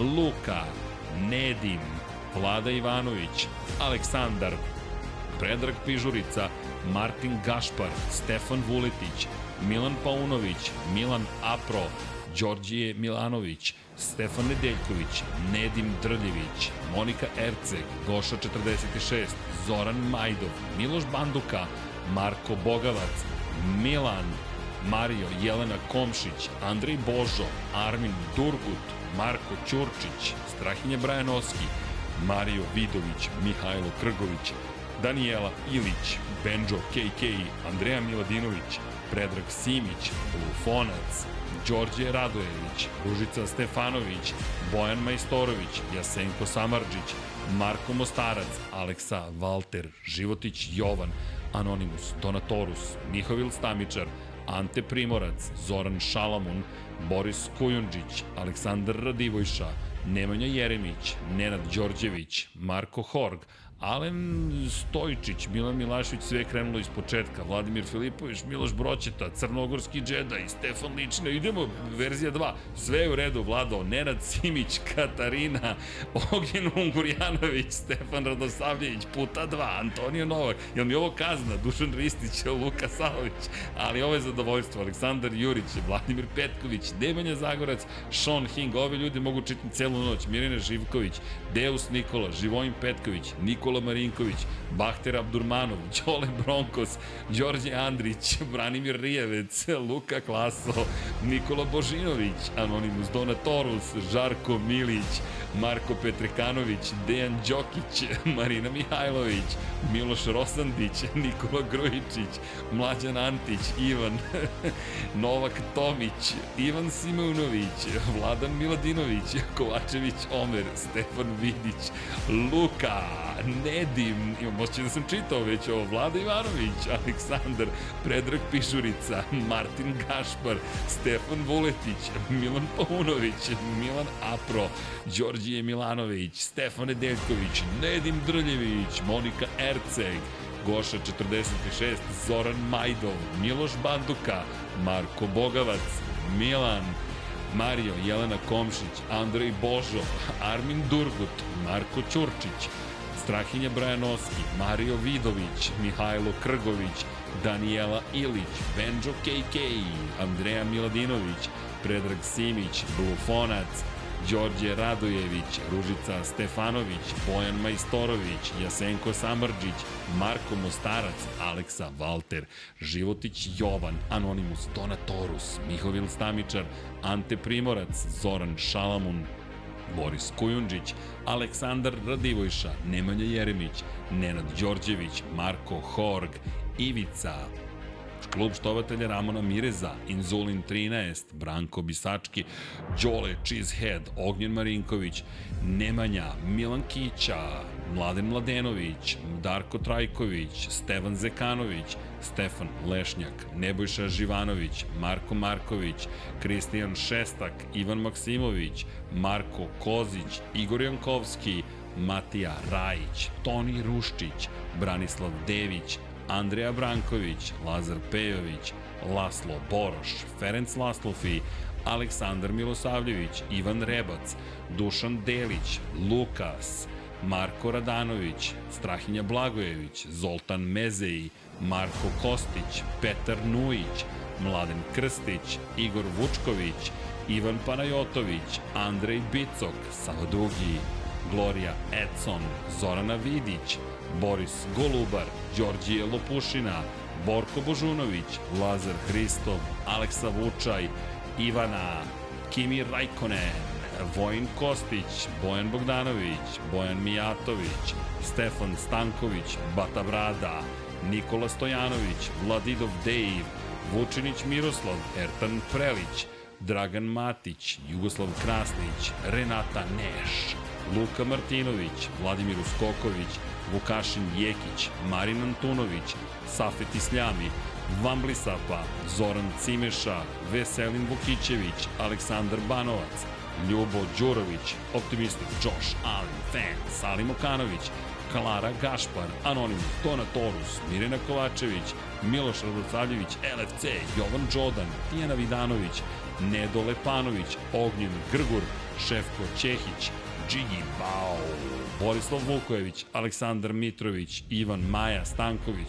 Đole, QB4, Tina i Ilija, Jugoslav Ilić, Stefan Milošević, Ivan Toškov, Stefan Prijović, Aleksandar Bobić, Matej Sopta, Pavle Nj, da žena ne sazna, Boris Erceg, Dušan Petrović, Lj. Đurović, Alen Vuletić, Miloš Vuletić, Danka, Zlatko Vasić, Emir Mešić, Ivan Ciger, Jasmina Pešić, Nemanja Miloradović, Branislav Kovačević, Milan Nešković, Damjan Veljanoski, Denis Špoljarić, Šmele, Ivan Rečević, Nemanja Labović, Bogdan Uzelac, Stefan Dulić, Andrija Todorović, Nenad Ivić, Stefan Janković, Dimitrije Mišić, Nikola Milosavljević, Jelena Jeremić, Aleksandar Antonović, Aleksandar Čučković, Miloš Rašić, Dejan Vujović, Aleksandar Anđelić, Luka Manitašević, Srđan Sivić,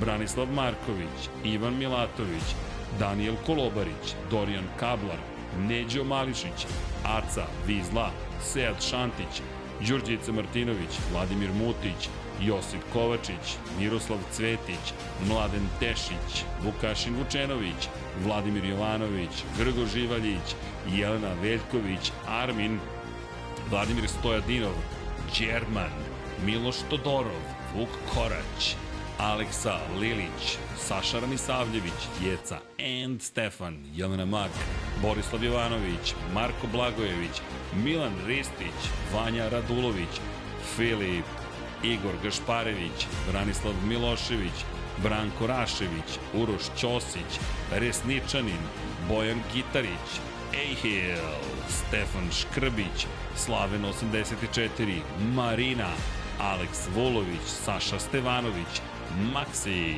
Igor Ilić, Ivan Hornjak, Future Graciano Rossi, Branislav Dević, Jelena Jeremić, Domagoj Kovač, Krorobi 00, Bakadu, Alen Jesenović, Ivan Božanić, Nikola Vulović, Zlatko Marić, Korespondent, korespondent, Goran Mrđenović, Mađar 007, Vlada Ivanović, Miloš Zed, LFC, Nikola Božović, Nemanja Bračko, Vladimir Subotić, Vladimir Vujičić, Ivan Magdelinić, Nikola Grđan, Škundra, Din Stero, Milan Kamarunić, Ivan Vujasinović, Ljiljana Milutinović, Mateja Nenadović, Marko Bogavac, Dejan Janić, Vladan Miladinović, Tomić Miloš, Uroš Čuturilo, Ivana Vesković, Pavle Lukić, Aleksandar Kockar, Divlji Bučak, Blagoj Ačevski, Đera 7, Marakos, Igor Ninić, Sejdo Mujičić, Nemanja Miloradović,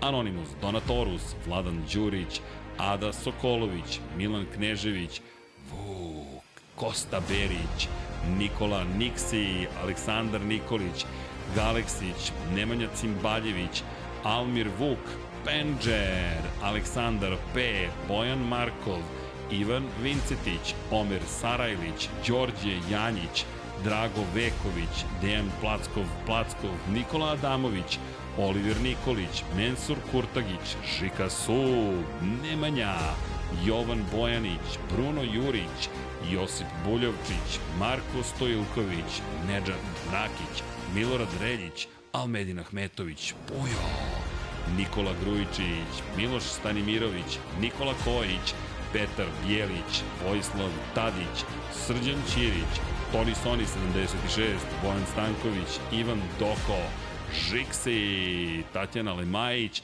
Lazar Milentijević, Vukašin Vučenović i vreme je za odjavnu špicu. Deki, probudi se. Vlado? Vlada me resetovao. Čekaj, nisi još na festivalu, gde si krenuo da me vraćaš u petlju, razumeš? U lup me ubaci. Tam, pam, pam, pam, pam, pam, pam, pam. Vidi, Vlado, moraš da me pozoveš jednom na taj tvoj set, doću ti sa električnom gitarom i reći ćemo, to je moderna muzika distorzije. I ja ću da sviram nešto. U svakom slučaju, ljudi, nadam se da ste uživali, budite dobri jedni prvi drugima, mazite se i pazite se, vozite računa jedni drugima, instalirajte vozi aplikaciju, podržite ekipu Lab 76, gledajte Mission Impossible, nemoguću misiju osveta, to jest odmaz na prvi deo i volite se, naravno, to je najvažniji deki, zadovoljstvo kao i uvek, hoćemo na 2-3. Mislim da je to u redu. Može na dvoplan, molim vas, dragi kolega. Deki, 2-3. Ćao, Ćao svima! svima.